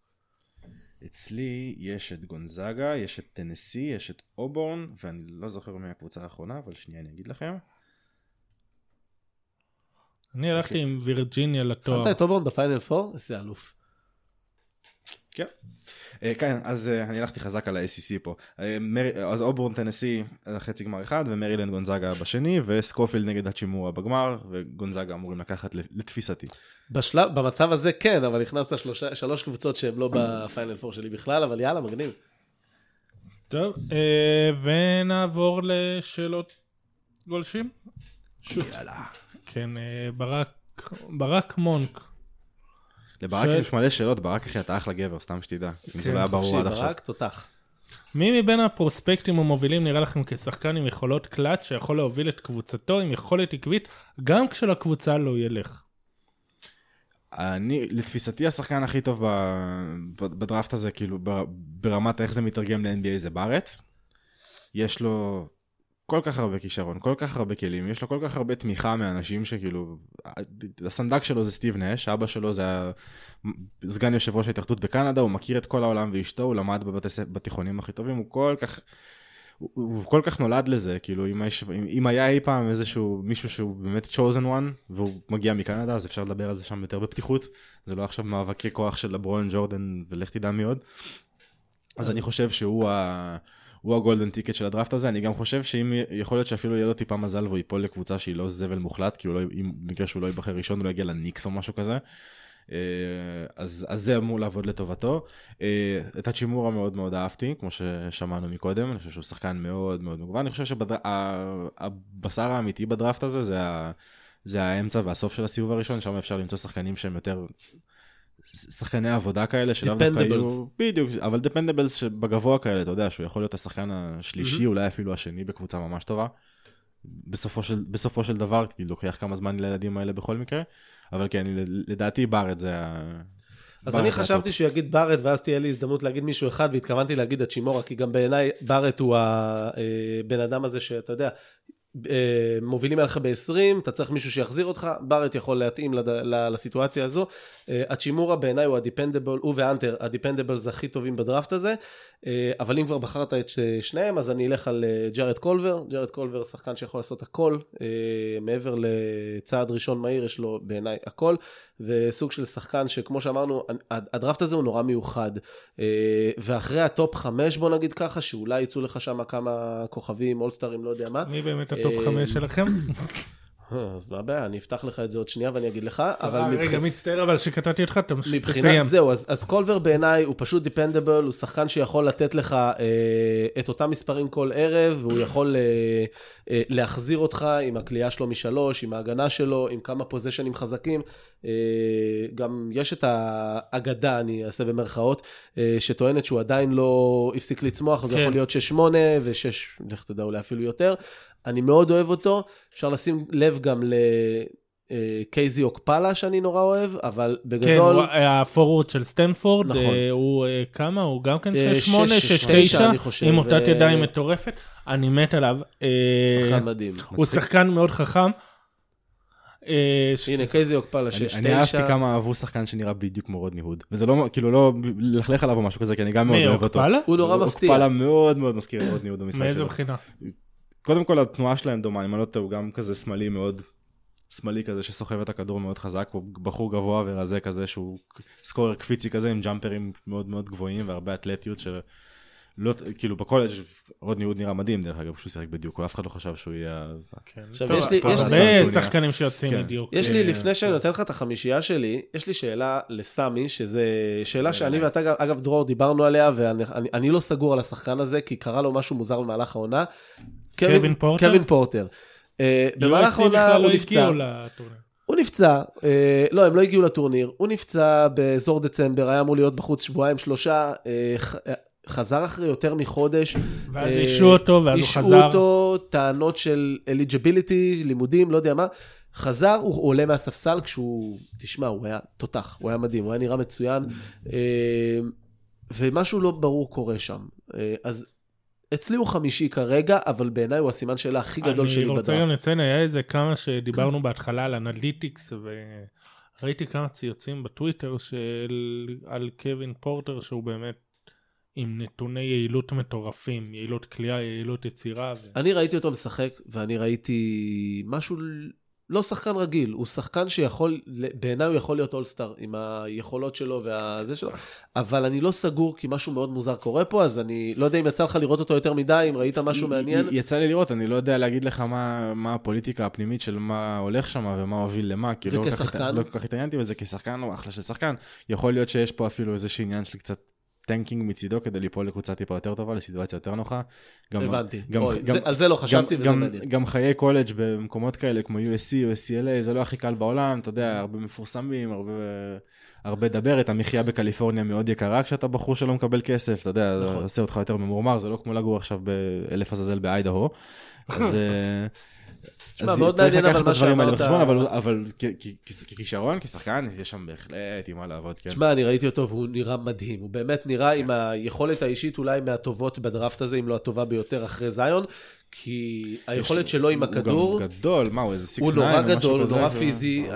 אני רוצה להגיד שהוא הזכיר לי במבנה גוף שלו את אה, הרדן, אבל ההשוואות שלי השנה לא כל כך מדהימות, אבל הוא פשוט נראה סטאר.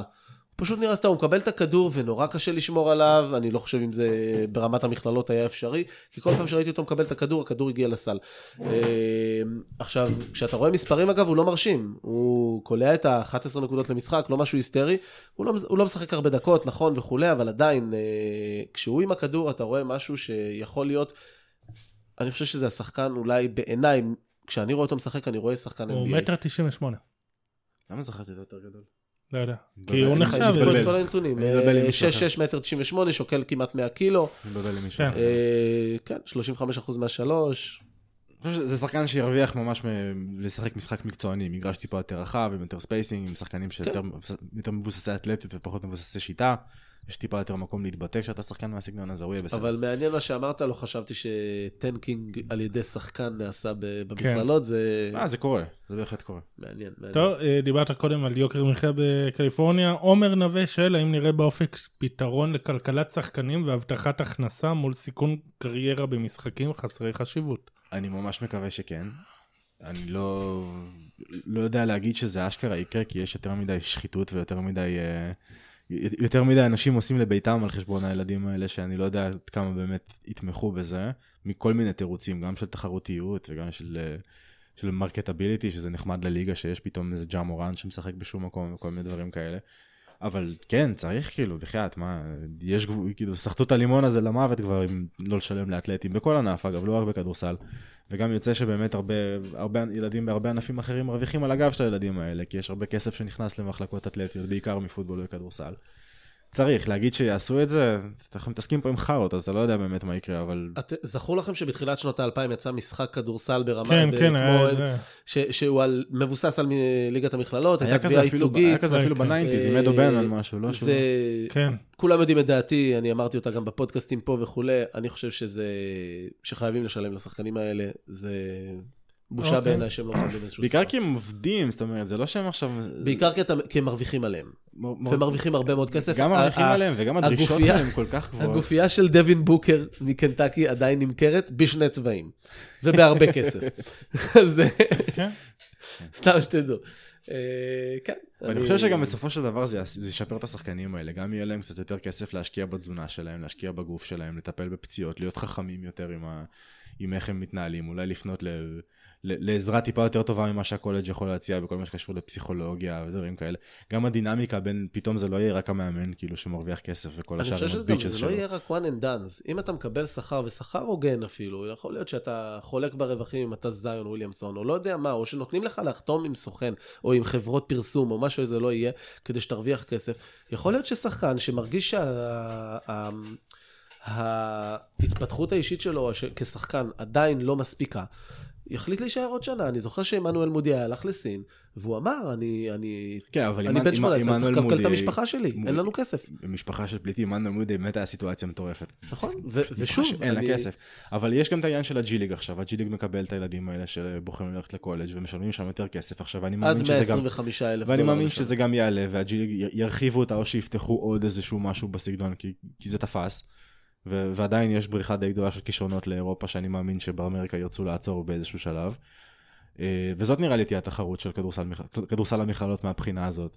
וכאילו, fuck הנה, יש להם את הכסף. זה לא שחסר שם כסף, זה לא שהאופרציה לא מכניסה מספיק כדי שאפשר יהיה לשלם לכולם בצורה, לכ- לכל הפחות כזאת ש... שלא תצריך אותך להשקיע משאבים בלרדוף אחרי אם מישהו קונה להם פיצה או לא. כל מיני דברים כאלה. אז טוב. כן, אני בעד. למקרה שזה לא היה ברור. הנה, הוא, אה, יש לו גם שאלה, והורדת גיל הכניסה לליגה וביטול ה-one and done, או לחלופין שחקן שדלג על המכללות כמו מיטשל רובינסון, האם אתה כסקאוט מעוניין בהורדת גיל אה, דראפט? אה, ברמה של ה scouting אני לא כזה סגור על כמה זה משנה. כן יש את העניין של, של, של מוכנות לליגה כשאתה מגיע אני בתור אגיד לך ילד. מה כרגע אני יודע שעוצר את זה. אה, הליגה כרגע מתנגדת, כי אה, איפה זה נעצר? הליגה אמרה מבחינתה סבבה אנחנו מבטלים את ה-one and done, אנחנו אבל רוצים התחייבות אה, לקבל דוחות רפואיים של אה, מי שיבוא. הסוכנים ואיגוד השחקנים מתנגדים לזה. וכאן זה כרגע, וזה כרגע מה שעוצר את ביטול ה-one and done. תשמע, יכול להיות שזה מה שהם אומרים על פני הרקע ואני בטוח שיש לזה משמעות, אבל בוא אחי, יש להם, יש להם צלחת פטרי חינמית של לפחות שנה על הילדים האלה, כי הם חייבים ללכת לקולג' או לאנשהו. הם יכולים לקבל קצת הערכה חופשית על הילדים האלה, לראות מה, נכון. איך הוא סוחב, איך הגוף שלו סוחב, איך המוח שלו סוחב, או אם הוא משתפר, כל מיני דברים כאלה. זה נראה לי מעסיק אותם יותר מהדוחות הרפואיים שהם... אני- כי בסוף אתה בודק את הבן אדם, אתה יכול לראות אם משהו לא בסדר, בוא, אנחנו, בוא, אנחנו, אנחנו לא. הרפואה התקדמה קצת, אפשר להסתדר גם בלי הדוחות של הרופא מהתיכון של לך תדע איפה. אה, עוד פעם, ברמת הכדורסל, זה אתה יודע, ילד זה ילד בסוף, אז כאילו אתה תצטרך להקל על המעבר שלו מלהיות חובבן ללהיות מיליונר, איך שלא תסובב את זה, אבל אני חושב על זה יותר ברמה האנושית. שזה יהיה כאילו, זה יפיק שחקנים יותר טובים, נפסיק להתייחס אליהם כמו אידיוטים. ואני מדבר כאילו מבחינה של הליגה, של להגיד לא, אנחנו דואגים לבריאות שלכם, או כל מיני שטויות. לא, אתם לא, אתם רוצים לחסוך קצת כסף ו... על הערכה שלכם, אתם רוצים לשמור את הכדורסל מכללות בחיים כדי שהחברים שלכם שם ירוויחו. נכון, אתה צודק, אבל השאלה בוא נהיה שלי גלויים הייתה, לגבי זה. השאלה שלי הייתה, הכל. אתה כסקאוט, אתה רוצה לראות את ה... הפלטפורמות שלך הרבה יותר מצומצמות כשאתה רוצה לראות משחקי תיכונים, אני מניח. אה, מעבר לזה ש... אני, אני, אני קרוע בעניין הזה, אני נורא רוצה שישלמו להם, אז אני לא יכול להגיד להם, אני רוצה שתלכו למכללות, לא משלמים לכם, אבל כדי שאני אוכל לראות אתכם ת- אה, אה, מול תחרות חזקה. הרי מיטשל רובינסון, אחת הבעיות שלי איתו הייתה שהוא לא באמת נבחן מול במבה וניק, אה, ודיקרסון, נועה דיקרסון מוושינגטון, סתם דוגמה. אה, לא ראיתי אותו מולם, אז לא ידעתי להגיד באמת כמה הוא טוב, והוא טוב. אה, השאלה שלי, בעיניך, כאילו, אני- ראיתי את אה, זיון וויליאמסון, שזה סרטון מצחיק ששומר עליו איזה ילד שהוא גובה חמש אחת.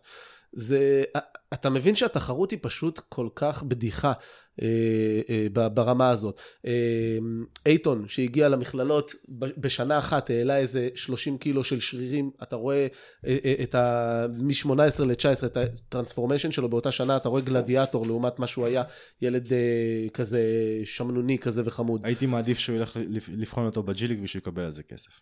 להתחכך, גם הייתי מוציא כן, דע- אבל הייתי ברגע, מוציא דעתה ברגע יותר טובה שמורידים את. גיל הדראפט, את הגיל לדראפט, יהיו הרבה שיגיעו לדראפט בלי השנה הנוספת הזאת. אתה מדבר על ג'י ליג שהם יגיעו ושנה תוכל לראות אותם בג'י ליג. אז ש- זו הכוונה שלי. אני מאמין שזה יהיה חלק מהמציאות, שאתה תהיה חייב לשלוח אותם להתבשל איפשהו. כן. קשה לשל- קשה לשלב ילד בן 18 במשחק של כן. מקצוענים, גם כשזה לברון, כאילו. אני, אני שמעתי קשה. פודקאסט שעכשיו הם אה, מצפים שברגע שגיל הדראפט אכן ירד, שזה יקרה, יהיו חמישה-שישה שחקנים בכל דראפט שייכנסו מגיל 18, אה, וזו הבעיה, שאתה לא יודע איך באמת לאבחן ואני אותם. מאמין שגם יבחרו גבוה, אבל עוד פעם, זה בעיה של אנשים אחרים. נכון. לא שלי. טוב, אם הם רוצים את אה, הבעיות האלה לעצמם, יאללה, שאלה? לסיום, כי אנחנו כבר על שעה 40. אמיר בראון, דירוג רשימת הפרוספקטים, כמה היא אמיתית, כמה היא נתונת הייפ וטרנדים, אפשר לראות ששחקנים היו למעלה, עכשיו הם למטה, כל אחד, למה יש כזה שינוי, האם הוא אמיתי? אז זה מתחלק לשניים. אה, ברמת, ה... ברמת החלק המקצועי של העניין, השינויים לא תמיד כאלה דרסטיים, כן יש עליות, כן יש שחקנים שפתאום יבואו לך משום מקום, ו... ו... ו... מה שדיברנו עליו בשנה שעברה, על שי אלכסנדר, הבחור בכלל לא היה כאילו פרוספקט מהתיכון, הוא היה מחליף בכיתה י"א, כאילו, לא, לא כל כך, בקנדה לא כל כך ידעו מי זה. והייתה לו עלייה ממש מטאורית, תוך משהו כמו שנתיים, שנה וחצי, הוא גם בא לקנטקי כדי להיות מחליף, ומישהו שם נכון. נפצע, והוא לקח את העמדה שלו. אז זה כן קורה. מבחינת ההייפ, בימינו האנשים שעושים את הרשימות האלה הם כבר הרבה יותר אינסיידרים מאשר סתם חובבים. כאילו, אתה נכנס לעסק הזה בתוך, בת- מתוך מטרה ברורה להפוך ל insider. ולמכור את הפלטפורמה שלך למישהו, כמו שדראפט אקספרס עשו לפני שנה, שנתיים, כן. משהו כזה. אז, אה, אז מבחינת ההייפ כן, אבל שוב יש פער בין, אה, בין מה הייפ ומה תכלס. וזה חשוב כדי שכל העסק יהיה מעניין, כדי שאנשים יקבלו כסף, כדי שיהיה... יהיה כדי תנועה, שיקראו. שתהיה- כדי שתהיה צמיחה, צריך את ההייפ הזה, הוא לא תמיד, לא תמיד הכי נעים, לא תמיד הכי מועיל מקצועית, אבל הוא כן קיים. וכן, הם יודעים מה הם אומרים רוב הזמן. מה יצא בפועל? הם די יורים באפלה, הניחושים שלהם לפעמים מושכלים יותר, לפעמים מושכלים פחות. אבל בסך הכל אפשר להסתמך, אם אתה עושה איזושהי הצלבה בין הנתונים האלה, אתה כן תקבל תמונה שהיא די משקפת המציאות. אני חושב ש... שוב, רשימת הפרוספקטים היא מאוד נתונת הייפ וטרנדים, מאוד. אה, נורא קל לבוא ולהגיד ג'ה מורנט נראה מדהים, מטביע וכולי. צריך באמת לעשות, כמו שסמי אמר, להיות קצת יותר מושכל, אה, לבחון את הדברים קצת יותר. ג'ה מורנט לדוגמה הוא שנה שנייה, אז זה קצת יותר משפיע. אה, זה מזכיר לי את, ה... את מיקל ברידג'ס, שנבחר עשירי. אה, והוא שלוש או ארבע שנים היה בקולג' והוא הלך לקומביין ובקומביין אמרו לו תשפר את זה ואת זה ואת זה.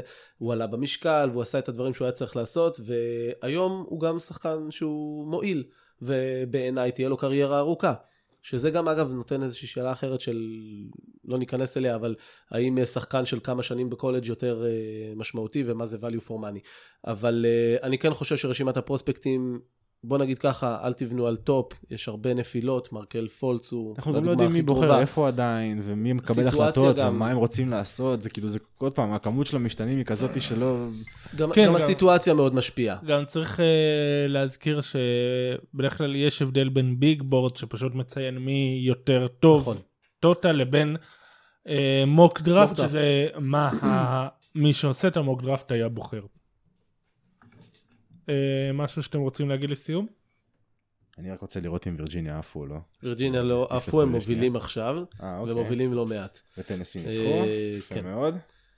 בכל אופן, לא, אה, אין לי מה להוסיף, אבל היה אחלה. תשבו, תראו את הטורניר עד עכשיו באמת יש כדורסל זה, זה לא הכדורסל מכללות המעיק ש, שאתם חושבים עליו זה נראה טיפה יותר טוב טיפה יותר משוחרר השלשות הגיעו גם לשם במשחק הפתוח וה small ball אז אה, יש גם שווה הרבה לראות. פרוספקטים טובים השנה שהגיעו יש לטורניר, שחקנים אז שווה יש לראות. הרבה שחקנים שכיף לראות זאת נקודה שרציתי לגעת בה זה שחקנים שאתה לא יודע עד כמה עד כמה יצא ממנו שחקן NBA אתה יודע franchise player סופרסטאר קורסטאר אוקיי אבל כיף לראות את השחקנים, כיף לראות את זיין וויליאמסון, כיף לראות את, ממש כיף לראות את ג'ה מורנט וזיין וויליאמסון, כיף לראות את בארט, כיף לראות את רדיש כשהוא פוגע, כיף לראות את קובי ווייט, כיף לראות את, ה, את הקוסטר שלו שם. קמרון ג'ונסון, קמרון ג'ונסון. תזכרו נכון, את השם, באמת. חברים. באמת, יש הרבה שחקנים שממש כיף לראות, והסיטואציה הזאת בדרך כלל משחקנים האלה נוטה להוציא את המיטב, אז שווה להשקיע את הקצת זמן, במיוחד המשחקים שהם בשעות נגישות. טוב, אה, בנימה אופטימית זו, אה, ביי ותהנו.